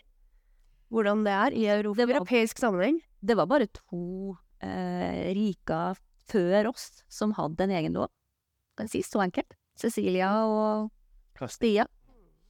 Og hvor lenge sto landsloven? Det er kanskje nevnt, men la oss si det lange Ja, helt til Kristian 5.s norske lov kom i 1687. Ja. Vi fikk en lov i 1604, Kristian 4.s norske lov, men det var en ø, oversetting. Fordi de danske embetsmennene ikke forsto norrønt og ikke skjønte hva som sto i loven. Og om jeg får lov å ta en digresjon Det fins en eh, historie fra Sør-Trøndelag hvor eh, det var en eh, krangel om eh, hvem som skulle sitte på hvilken kirkestol. Det var sånn at hver gård hadde hver sin kirkestol. Så ble de ikke enige. Og da hadde de krangla om det her før. Så det var skrevet i et skinnbrev. Og ingen kunne lese det, og i hvert fall ikke den danske sorenskriveren. Men så var det noen som kom på da, at kårkvallen på nabogården, han kunne lese norrøn skrift. Og de henta han, og kallen kom, og kallen leste, og kallen eh, formulerte og tolka det som sto der. Og da sa den danske sorenskriveren at du skulle ikke være bonden, du, som er så flink. Og du vet, det satt ikke så godt i eh, trøndersk odelsjord. Nei. Flott. Du, eh, nå eh, Landsloven er altså verdt å feire. Og kristenretten er verdt å feire, ikke sant? Em, men hva er det vi egentlig skal feire? Altså, en av mine studenter sa hvorfor skal vi feire kristningen når vi bor i et sekulært land, eksempel? Altså, hva, hva er det vi egentlig feirer? Vi kan jo markere at det er så og så mange år siden, men er det, hvis, hvis vi her er vi i regi av Skaperkraft og fagsjekk, så hva Hvis vi skal trekke liksom de, den kristne innflytelsen, da, på samfunnet vårt, kulturen vår, hvordan Er det det vi feirer, eller hvordan, hva er det vi feirer? Skal vi, skal vi ta det sånn, så kan jeg begynne, og så bare tar vi det. Vi, ja. Ja. Eh, Jeg vil si at vi skal feire én ting og bruke jubileet til en annen. Det, det første vi skal feire, det er jo at uh, vi får en del verdier om menneske og menneskeverd gjennom jord, som vi alle forholder oss til i dag. Uh, kristen eller ei, så er det verdier som vi holder fremdeles høyt. Så det er ikke dermed sagt at det var nøyaktig de verdiene vi har i dag vi fikk med kristenretten, da er det nok neppe. Men uh, det var iallfall begynnelsen på en utvikling av et verdisett som vi enes om i dag. Og det er viktig å markere. Eh, samtidig så er jeg veldig opptatt av at en skal ikke gå i den fella en gikk i 1924, da en på en måte markerte kristenretten på Moster som at endelig var, var ting blitt så de skulle hatt vært hele tida. Eh, for, fordi det er ikke sånn at kristenretten er slutten, det er begynnelsen på en prosess. På sett og vis så kan vi jo si at den prosessen er ikke avslutta. Eh, en av de tingene som Olav ikke lyktes med, det var også å gjøre en stor forandring i trælsamfunnet. I 1024 så var det muligens, iallfall ifølge historiker Jørn Sandnes, 20% av Norges befolkning træler. Og Det ikke, kom ikke store forandringer med kristenretten, det er bare en, et lite push mot å oppløse trælsamfunnet. Men samtidig så lever vi i et samfunn i dag hvor vi har i verden mer tvungen arbeidskraft i forhold til verdens befolkning enn noensinne. Det er ikke slaveri med at noen blir piska til arbeid, men det er slik at folk blir lokka til et land, og så tatt ifra alle papir, og så blir de tvunget ut i prostitusjon, trafficking for eksempel. Trafficking finnes i Norge. Du kan gå ut på gaten i Oslo og finne offer for trafficking i kveld, hvis du vil. Eh, det finnes mange bygningsarbeidere og andre rundt omkring i Europa og i Norge som i realiteten ikke er slaver, men de er tvungen arbeidskraft. Så jeg tenker at vi skal på den må på ene sida så skal vi være opptatt av hva, og stille spørsmål hva verdier kan vi skrive tilbake som vi syns er viktige i dag, for det er veldig viktig å være klar over sitt verdigrunnlag. Men så skal vi òg tenke at eh, hva er det vi enda har grunn til å slåss for, som ikke ble ferdig med Moster i 1024? Dette vil være ett sånt tema. Veldig bra. Fint. Å. Tide, hva tenker du? Ja, jeg syns at det er viktig å tenke på den tradisjonen som landet vårt står i. I 1795 så var Mary Wollstonecraft forfatter og kvinnelighetsforkjemper i Norge. Og hun skrev etterpå at hun måtte til, til Norge for å finne nøkkelen til likestilling. Og jeg tenker det at det landsloven og kristenretten har gitt oss, det har bygd opp landet vårt en, eh, og gitt den en ryggrad, med erfaringer og holdninger som vi tjener på i dag.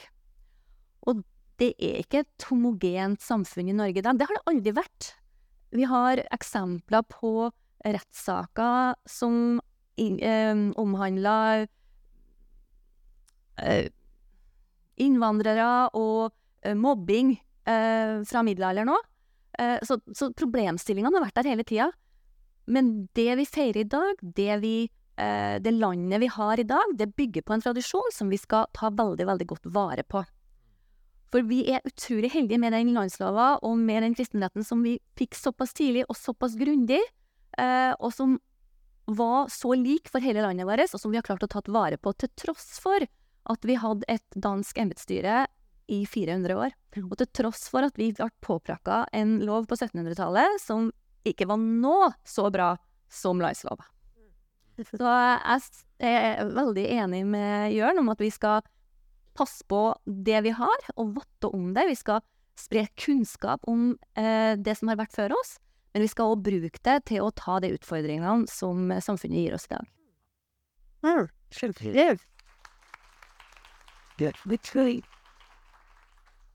Dette er så godt og konsist sagt fra dere at det er ikke mye jeg skal legge til. Jeg kan legge til to korte poenger.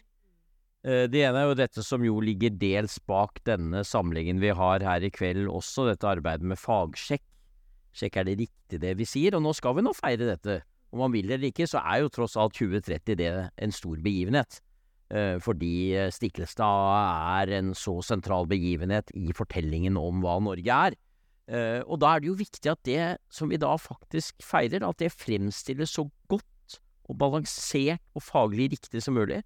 At fagmiljøene deltar i en debatt om det, slik at det vi så formidler videre til ungdom i skolen, faktisk er godt og riktig fundert. Og da er det ting å feire. Og det er ting vi skal løfte frem, og det er ting vi skal si var bra. Kristenretten og landsloven, men det skal vi si på en måte som ikke er mytebyggende, men som faktisk også er står seg solid. Og derfor synes jeg det er en viktig del av dette jubileenes tiår at vi også bidrar til det. Og det andre er jo noe som jeg vet Skaperkraft har vært opptatt av, og som vi har arbeidet litt med i dette prosjektet Jubti, og som vi faktisk gjorde noe med for et par år siden her på Litteraturhuset, og gjerne skal gjøre mer av. Og det er jo å invitere inn de i Norge som ikke er del av en kristen majoritetskultur. De som eksempel kommer fra andre religiøse samfunn, fra andre land, og si 'vær med på feiringen vår'. Dere er nå en del av Norge, vær med å feire Norge. Og da vil vi at dere også skal få lov til å være med på hva det er vi feirer, hva slags tradisjon det er, hva kristendommen i Norge faktisk er.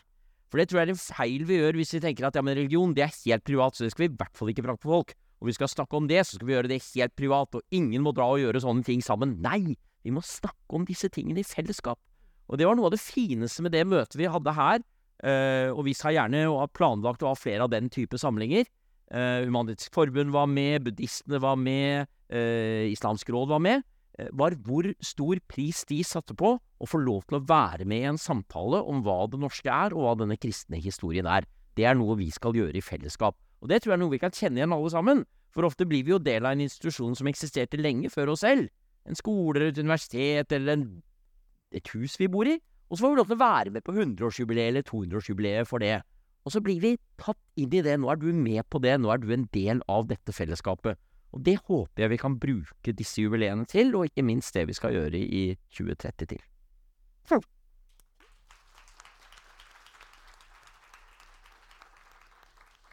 Vi har eh, tenkt å åpne litt for spørsmål fra salen. Har vi noen mikrofoner, kanskje? Eh, og da er det sånn at det er de som stiller stiller korte spørsmål, de får lengre svar. Og Bedre svar, ikke minst. Bedre svar og lengre svar. Nei, vi vil gjerne ha korte spørsmål. Og så tar vi tre av gangen, tror jeg. Så svarer dere hvert. Er det noen som har mikrofoner der, som går rundt med det? Ja, der har vi et spørsmål. Vi tar tre spørsmål av gangen. Ja, altså For noen år siden så gikk jeg inn på nettet og uh, av nysgjerrighet er det starta noe i forhold til Stiklestad 2030. Og så gikk jeg gjennom, og det var jo nesten ingenting om kristendommen. Og så ringte jeg Borghild Lundeby, som, eh, leder, som da leda den nasjonalkomiteen, og ba om et møte, og det fikk vi. Så vi reiste opp der og fikk møte Borghild Lundeby og tidligere eh, eh, prost i Nidaros. Og vi la frem vårt, eh, at vi syntes det var for lite kristendom. Og da sa de det at eh, Da sa prosten som faglig ansvarlig eh, Nå er det kommet i, Altså, i 1930, da kunne vi feire kristninga. Men nå er det kommet muslimer til Norge, og det er kommet folk fra andre religioner. Da kan vi ikke i 2030 feire kristninga. Og det, eh, så kan, spurte jeg kan jeg få det skriftlig. Ja, det har jeg fått skriftlig. Så um, ja. Eh, Var det et spørsmål? Men ja, spørsmålet er er dere enige? Takk. Er det noen flere spørsmål? Veldig kort spørsmål. Det ble nevnt så vidt eh, sammenhengen mellom den loven i 1274 og kongespeilet, som vel er fra midten av 1200-tallet. Går det an å si litt mer om innflytelsen fra kongespeilet?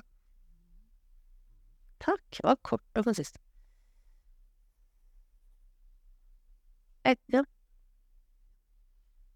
Um, Anne Marie Tausten heter jeg. Jeg lurer på, um, sier denne loven noe om folk som ikke har jord og grunn? Altså de som beveger seg rundt, eh, bostedsløse, folk som kommer fra andre land, hvordan man skal ta imot, hvilke rettigheter har de som en del av det lovsamfunnet? Takk. Da tar vi en liten runde med svar på de spørsmålene. Eh, jeg kan godt starte med å gi en replikk til det første. Eh, fordi det har jo vært mye Det gjaldt jo 1030, da. Det er egentlig ikke det 1030 som er tematikken her, men vi kan jo godt eh, snakke litt om det òg. Eh, det at kristningen mangler i, i fokuset i det jubileet.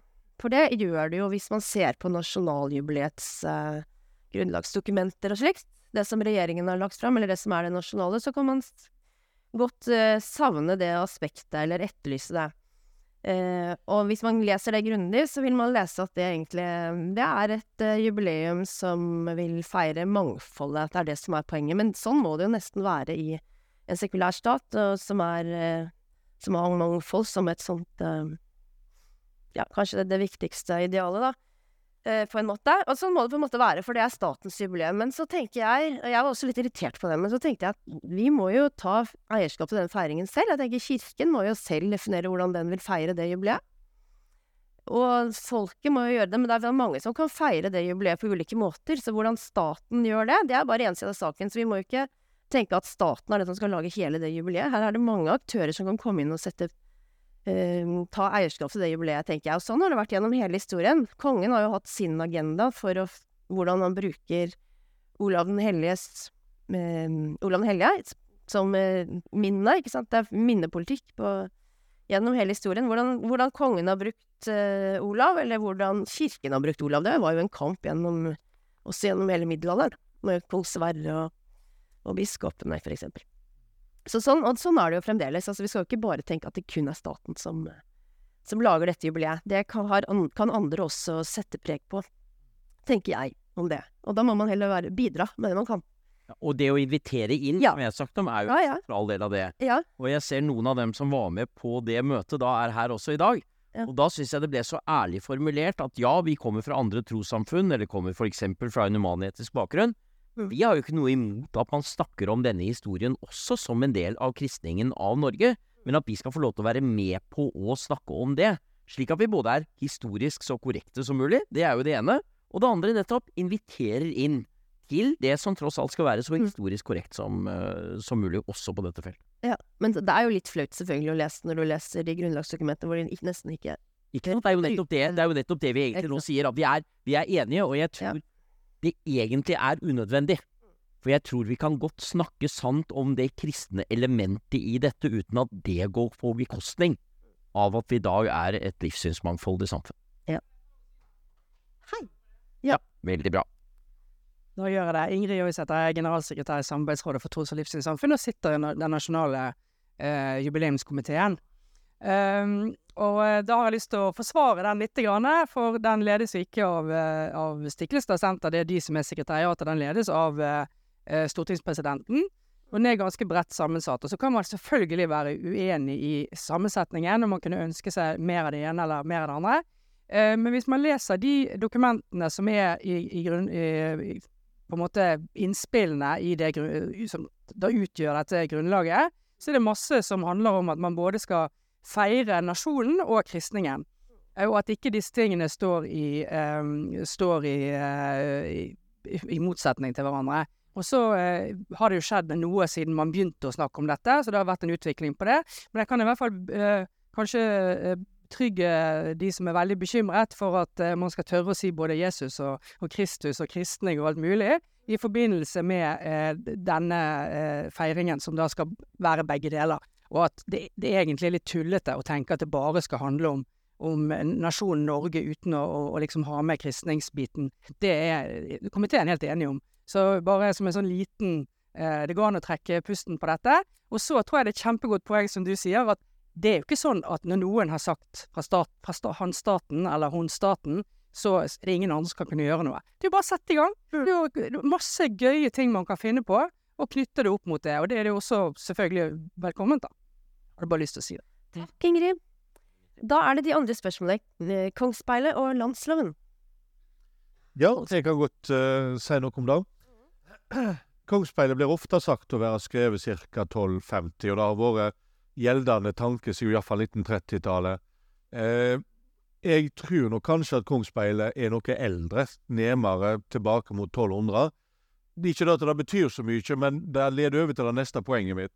Eh, han som har, og det er nok en mann som har skrevet Kongsspeilet, har vært det Sverre Bagge kaller for en hardliner. Han er for en streng, refsende konge som holder orden gjennom maktbruk.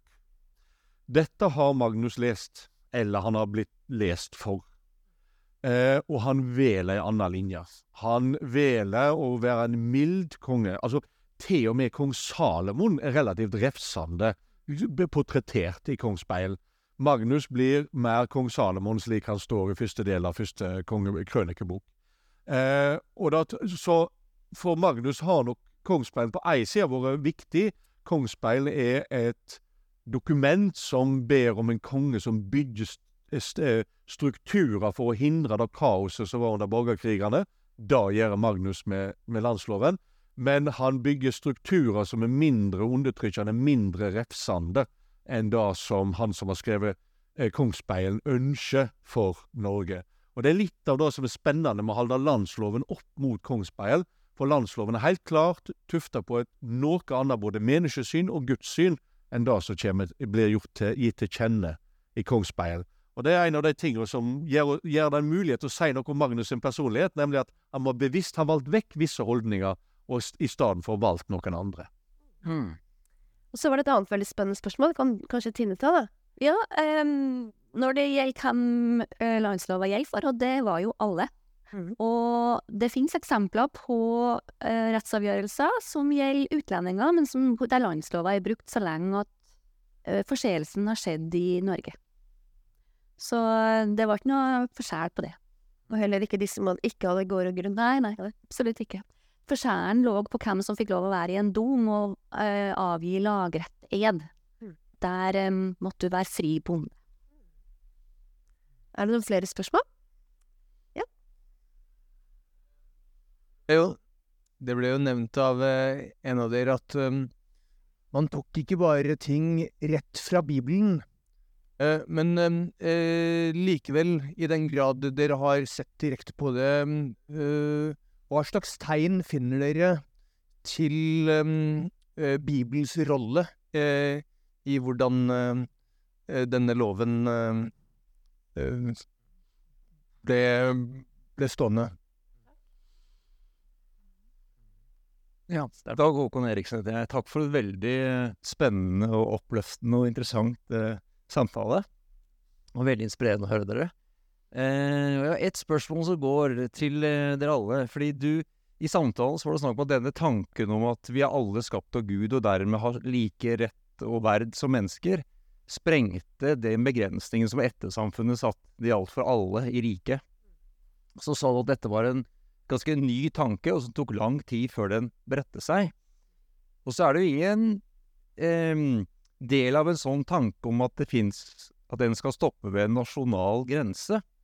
Så det er interessant å høre hva dere tenker videre om konsekvensen av en sånn innsikt. Eh, for kan den sprenge nasjonalstaten, og hva kan vi gjøre framover som eh, Norge som for å håndtere en sånn tanke, også med tanke på de som bor utenfor våre grenser? Hvis dere har noen refleksjoner om det. Det går fram mot framtiden, men takk for et veldig spennende historisk eh, fokus så langt. Takk for et sprekt spørsmål. Ole Petter Erlandsen. Um, jeg har bare lyst til å kommentere, men den kommentaren må gjerne kommenteres. Um, og det er at på Moster, i forbindelse med tusenårsjubileet til sommeren, så er det nettopp en uh, felleskristen jubileumskomité som samler kristenfolket, og som samarbeider veldig godt med den offisielle komiteen. Det er en god forståelse begge veier, nettopp av at dette er et jubileum som gjelder alle. Fordi selv de mest hedenske i Norge er mye mer kristne enn de egentlig tror. Takk. Da har vi to konkrete spørsmål her. Altså spor etter Bibelen i landsloven og, og landsloven, ikke sant. Ja. Og det med menneskeverd, den eh, sprenger nasjonaltanken, da. Nasjonalstaten. Ja, jeg har veldig lyst til å svare på det første spørsmålet om eh, Bibelen i landsloven. La meg da begynne med at i kristenretten på Moster finner vi flere spor, eller flere regler som nok har sitt opphav i Mosebøkene. Og Det er blitt understreket av min kollega Ditlev Tam fra København før meg. Og det er egentlig ikke typisk for Europa på det tidspunktet. Mosebøkene ble ikke brukt som en direkte kilde til lov andre steder enn i England. Og det er veldig typisk at kristenrett nok ikke er formulert av Olav. Han er ikke en utpreget intellektuell, iallfall står han ikke fram som det. Det er biskop Grimkjell. Biskop Grimkjell var rettslært, han var engelsk, og han har nok gjort det på den engelske måten, der han har brukt Mosebøkene som utgangspunkt for noen av reglene. Når det gjelder landsloven, så finner vi ingen regler fra Mosebøkene i det hele tatt.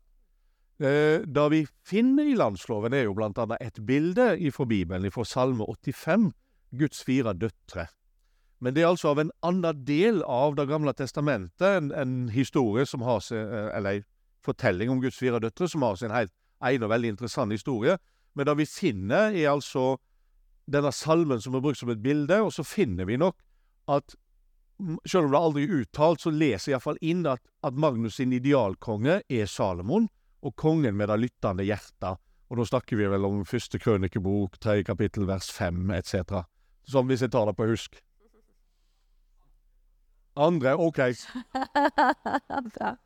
Muligens. Sjekk når dere kommer her. Yeah. Men, men, eh, men det er iallfall Salomon som er idealet. Det ser vi. Men det er ingen enkeltregler i landsloven som kan knyttes til Bibelen, og det er fordi de, den juridiske, kirkelige juridiske tradisjonen på 1200-tallet bruker ikke Bibelen på den måten, rett og slett.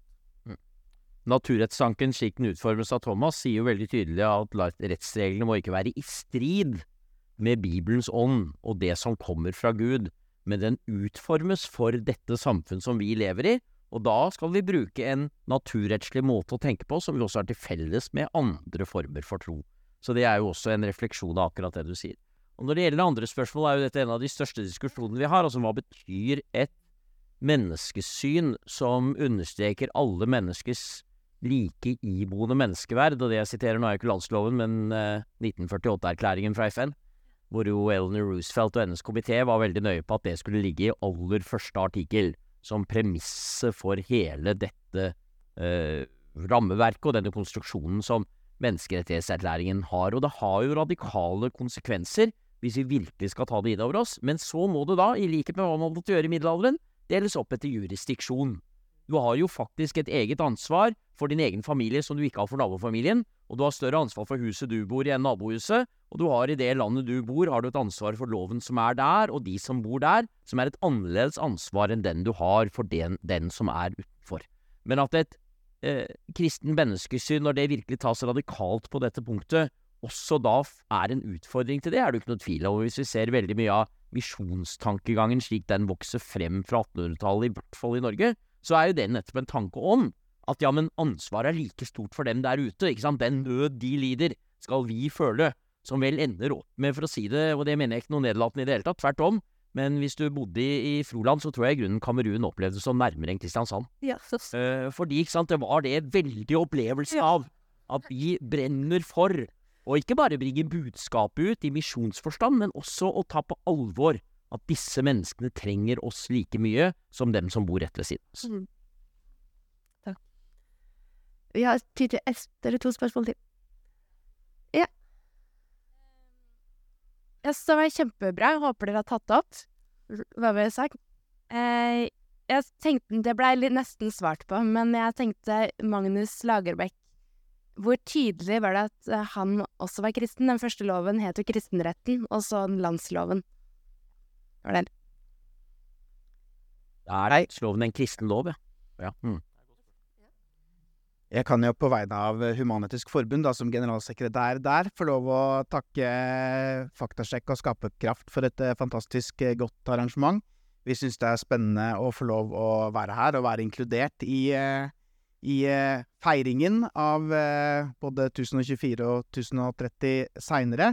Eh, men det er kanskje først og fremst den eh, katolske kirke da, eh, vi forbinder med denne delen av det, og ikke det som ofte kanskje representeres som som kirken eh, i, i debatten her. Men eh, mitt spørsmål handlet mer derfor om forholdet mellom eh, Olav den hellige og for så vidt også Norge og den katolske kirke på denne tiden. Eh, som jeg opplever som Om man kunne utdype litt mer av det, og kanskje også den forholdet mellom maktutøvelsen, kongens makt, og det teologiske. Eh, hvor mye var teologi, og hvor mye var maktutøvelse eh, for en konge eh, som Olav den hellige? Jeg lurer på om vi skal ta et eget seminar på det. Der. Det er veldig store spørsmål. Ja. ja, ok. Siste. Tar det på tre linjer. Jeg har to små spørsmål. Takk først for fint foredrag. Det første er barnlig. Hvor kan jeg lese disse to dokumentene? Er de tilgjengelige? Hvor lang tid tar det å lese? Og så videre. Hvis man har lyst til det. Og det andre, mest for gøy. I nasjonalsangen vår nevnes fire norske konger. Det er i andre strofa. Ingen av dem er Magnus Lagabøte. Kan man kritisere Bjørnson for å ikke ha nevnt? Og kan jeg benkeforeslå at vi tar ut kong Sverre og borgerkrigstida og inn med Magnus Lagabøte isteden? Ja. ja, da var det tre spørsmål. Um, det første er hva, hvordan var vises det at Magnus var kristen, eller laga landsloven en kristen lov? Kan Nei, jeg, jeg, kan, jeg kan svare på det veldig kort. Ja. Og det er at uh, det som gjør at å formidle mellomalder er veldig vanskelig, det er at i mellomalder Hvis du sa til Magnus Lagerbøte unnskyld meg, men er nå egentlig dette her en veldig kristen lov, så ville jeg ikke ha skjønt noe som helst. Selvsagt var den det. Selvsagt fantes Gud, og Gud var kristen sånn som han trodde på han. Noe annet var utenkelig. Eh, det, det finnes masse forskjellige gudsforestillinger i mellomalder, eh, men de er alle gudsforestillinger. Det vil si at det, det å tenke vekk Gud, det er det som vokser fram etter reformasjonen og gjør oss i dag til et sekulært samfunn. Fordi vi kan tenke at Gud ikke finnes. Men den tanken tenkte ikke Magnus, og det var umulig for han å tenke. Så spørsmålet ditt, som gir så god mening for oss, vil ikke ha gitt mening for Magnus. Og det er litt interessant. Eh, og så, hvis jeg bare skal svare aller kortest på dette med nasjonal... Eller hvor, jeg, la meg heller svare hvor vi kan lese. Fordi eh, Veldig enkelt. Kristenretten som ble vedtatt på Moster, kan leses i Gulatings lovi, omsett av Knut Robberstad, og i-endinga indikerer jo at dette er litt arkaisk nynorsk, så lettlest er det ikke. Eh, Gulatingslova den er veldig godt skreven om av Knut Helle i Gulating og Gulatingsloven fra 2001.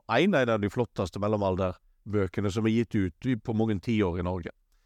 Eh, landsloven den blir nå gitt ut både i nynorsk og bokmålsk eh, språkdrakt eh, når eh, landslovsutstillinga åpner på Nasjonalbiblioteket 1. februar. Jeg vil, I stedet for å lese omsetningen fra 1915, så er på arkaisk riksmål, så vil jeg ha venta til 1. februar, og så lest enten på bokmål eller på nynorsk. Det er to omsetninger gjort av to ulike personer, litt med to ulikt utgangspunkt. Begge er veldig flotte og gode på hver sin måte. Spørs om man greier å vente vente til første Så- Og så, ja, skal vi ta ut uh, Kong Sverre og ta inn uh, Magnus? Ja, absolutt. Det spørs hvor enkelt det er å synge Magnus Lad. Um, jeg tenker på en ting når jeg hører flere spørsmål her, at vi har ikke sagt noen ting om at kirka på denne tida òg hadde domsmakt. Og det er ganske viktig fordi at alt som hadde da med kirkelige ting å gjøre, eller der eh, klerker var involvert, så skulle dømmes av ikke av en eh, sivil dom, men av kirka. Eh, og det har ganske mye å si for hvordan det praktiske rettsvesenet utvikla seg. Og i kristenrettssaker, altså ting som hadde med seksuallovgivning å gjøre, eksempel, så var det kirka som dømte. Og, og, og den, den makta som ligger i, i eh, kirka, og reglene rundt det, eh, er verdt et eget seminar. Mm. Og det er jo også det med Olav den hellige og den katolske kirken, altså det vil si Olav den hellige og kirken, ikke sant? Det er jo ikke noe andre kirkesamfunn vi snakker om akkurat da. Eh, så er det noen som vil ta det spørsmålet på Nei, egentlig er det jo det, det du sier, for det er klart det er en katolsk tradisjon, og ikke minst er det jo da spennende hvordan våre katolske brødre og søstre, som også er representert her nå, tenker rundt nettopp eh, Den norske kirke i dag, sett i forhold til nettopp det som skjer i middelalderen, hvor det er før reformasjonen. Det er én kirke i Norge, det er den katolske kirke, det er det som er kirken. Hvordan skal vi tenke rundt og snakke om det? Og det andre er jo spørsmål som også kom i den sammenheng, hvor mye av dette er egentlig teologi, og hvor mye er maktutøvelse? Som er et annet seminar vi nok kommer til å ha. et annet seminar. Hvor vi jo ser at mange av skikkelsene det er snakk om, ser jo også at denne spenningen ligger der. Det ser vi jo helt tilbake til Olav Haraldsson. Altså, han er jo klar over at her tar han et religiøst budskap som snakker om at du skal vende det annet kinn til. Du skal elske dine fiender. Du skal vise øh, omsorg og vise nåde. Og samtidig skal han være konge, som faktisk skal lede et folk i krig. Så de som tror at det er en spenning som vi på en måte har konstruert etterpå, det er det ikke. Og der kan vi jo lese for den saks skyld Thomas Aquinas, hvis vi skal ta kanskje den fremste av teologene fra denne tiden, som er fullt klar over disse spenningene. Les hva han skriver om krig, og hvorvidt krig kan være rett eller ikke. Jo da, de var klar over at det var noen spenninger her. Absolutt. Men når det er sagt eh, til Human-Etisk Forbund, jeg syns det er et veldig spennende spørsmål det du stiller, det er bare altfor stort. Men for det er også en helt annen inngang. altså Det vi har gjort nå, er å forsøke å spore hva er sporene fram til det verdigrunnlaget vi har i dag. Mens er- hvis man går inn på å se hvordan så Kirken egentlig på samfunn, da, på Olav den hellige som lovstifter og som helgen, og hva betyr det egentlig, så er det et helt annet bilde. Og det syns jeg er kjempespennende, men eh, jeg tror ikke vi rekker det akkurat nå. Men det, jeg, det, det tar vi gjerne i et annet seminar, og det vil jo da gi et annet lys på dette, som vil også sette vår tid i et annet perspektiv. Så jeg syns det er veldig verdifullt og viktig spørsmål du stiller nå. Men ja, vi har rett og slett ikke tid. Um, nå skal vi straks avslutte, men før Henrik eh, får ehm, eh, den siste ordet, så må jeg spørre, er det noe dere brenner inni meg? Vil dere si noe før vi gir Henrik ordet til slutt? Har dere en appell til slutt? Åh, hvordan, skal vi, hvordan skal vi feire dette året, da?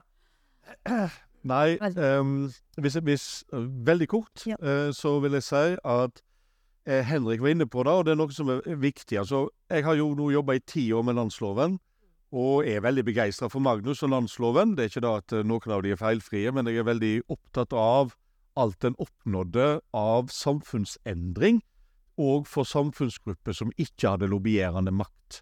Det er et, veld, det er et stort steg, egentlig, å kunne drive politikk på den måten at du ikke bare tar maktinteresse, men òg ivaretar interessene til de maktesløse. Det er det som er viktig med landsloven. Og da skal vi på den ene sida være veldig stolte over å hause fram, men så må vi alltid, som vi var inne på i stad, passe oss for at vi da lener oss tilbake og sier at så ble alt godt'. For det gjorde det ikke. Eh, landsloven var skapt i ei brytningstid, og vi er sjøl inne i ei brytningstid nå. Vi må sjøl gjøre oss opp en mening om hva er det gode samfunnet. Landsloven lærer oss ikke hva som er det gode samfunnet, den lærer oss at det går an å ta valg og gjennomføre politikk. Eh, og det må vi gjøre i vår samtid òg, på våre egne premiss. Hvis vi kan bruke jubileet både til å tenke tilbake og være stolt over ting, men tenke framover og tenke at vi står overfor utfordringer som gjør at vi må være modige når vi skal drive vår politikk.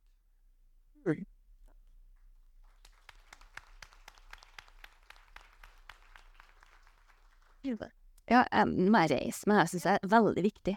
Um, vi har snakka om at landsloven, eller at historien, den Vi tror at den går bare framover hele tida, og det er jo ikke tilfellet. Og det har vi nevnt flere ganger i dag. At landsloven var et steg på veien, ja. Men den var et stort steg på veien, og den var et viktig steg på veien, og den åpna muligheter og rettigheter for folk som tidligere ikke har hatt det. Sånn ble det ikke ei tid etterpå. Og, og, det tenker jeg er noen ting som vi skal jobbe med, og vi skal ha i minne fortsatt. Og når vi nå går fremover, og lovverk endres hver eneste dag. Skjønn brytes hver eneste dag. Og vi skal være veldig, som Jørn sier, stolt av Magnus Lagabøte. Vi skal være stolt av landslova, og vi skal være enda stoltere av hvordan den ble brukt. Vi skal være stolt av dem som middelaldermenneskene som tok tak i dette lovverket, som var litt annerledes enn det de var vant til, men brukte det på en veldig skjønnsom og fornuftig måte.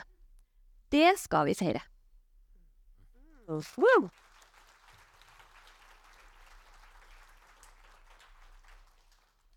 Og så er jeg blitt bedt om å komme med en avsluttende takk, og det skal jeg med glede gjøre, og jeg gjør det med en uh, oppsummering av noe dere har sagt. Uh, det å være stolt av noe er ikke det samme som å være ukritisk til det. Og jeg tror vi hadde noen ganske interessante og gode samtaler i forbindelse med 2014 og 200-årsjubileet for Grunnloven. Ja, vi feirer 17. mai akkurat like mye fortsatt, og det er faktisk et ganske stort verk de gjorde på Eidsvoll. Og samtidig hadde vi grunnleggende samtaler om den, ja, vi må vel få lov til å bruke det uttrykket, antisemittismen, som fantes i den tiden, og som fant sin vei inn i denne grunnloven. Det går an å være stolt og feire noe, og samtidig ha en god, fagbasert, faktabasert diskusjon, som også kan være kritisk. Og det andre jeg har lyst til å sikte deg direkte til det du sier, Tine, for uh, ca. 70-80 år etter landsloven så får vi svartedauden. Og det endrer ganske mye utfordrer mange av strukturene, utfordrer mye av hvordan Skandinavia fungerer, det vi i dag kaller Skandinavia politisk, og vi taper noe av det som faktisk var vunnet gjennom kristenretten og landsloven. Kan vi tape det vi har i dag? Kan vi faktisk tape demokratiet vårt og rettsstaten vår? Kan det være at vi taper det som vi vant gjennom både grunnlov og menneskerettighetserklæring? Ja, selvsagt kan vi det. Hvis vi ikke beskytter det vi er opptatt av, bevisst rundt det, så vet vi at det er mange krefter i vår verden som truer dette, både av politisk, ideologisk og teknologisk art. Derfor er også dette jubileet viktig, fordi det kan bevisstgjøre oss rundt hva vi skal beskytte. Jeg pleier å si i alle forelesninger om kunstig intelligens at jeg bedre å huske at hvis det kommer en ny Adolf Hitler på den neste 30-tallet, så har han tilgang til moderne bio- og genteknologi, moderne kommunikasjonsteknologi og kunstig intelligens. Da er faren stor for at han vinner. Hva står mellom oss og det? Jo, det er jo nettopp at vi har en levende samtale om hvilke verdier vi skal beskytte. Så da har jeg lyst til å takke både Skaperkraft, Fagsjekk, en spesiell takk til Bjørn Are for alt arbeidet du har gjort, men det er mange som har vært involvert i dette. Takke alle dere som kom! Og så skal jeg gi ordet til noen på slutten. For Skaperkraft har nemlig en nylansering av sitt arbeid om noen uker. Skal ha et møte den 20. januar, og Vegard Husabø skal si noe om det helt til slutt. Ordet er ditt. Kanskje bruke den. Eh, først er jeg bare med en hilsen for Skaperkraft og dere i panelet. Tusen, tusen takk for en utrolig, utrolig spennende samtale. Her kommer boken 'Kristendemokratiet' av Eilev Hegstad. Så gi dem en god applaus mens jeg gir dem en bok hver.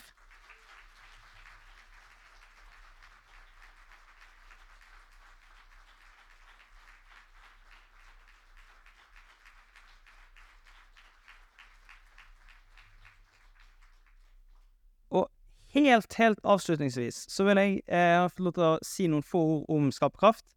Um, jeg syns dere oppsummerte det så godt her, om at eh, vi kan ikke gi oss nå. Arbeidet er ikke ferdig, selv om vi har mye gode ting som skjer i vårt samfunn, og vi er kommet langt fra eh, middelalderen, så er det likevel mye som gjenstår. Um, og som du sa, Tine, vi skal spre kunnskap om det vi allerede har, og så må vi ta tak i de utfordringene som samfunnet står overfor i dag.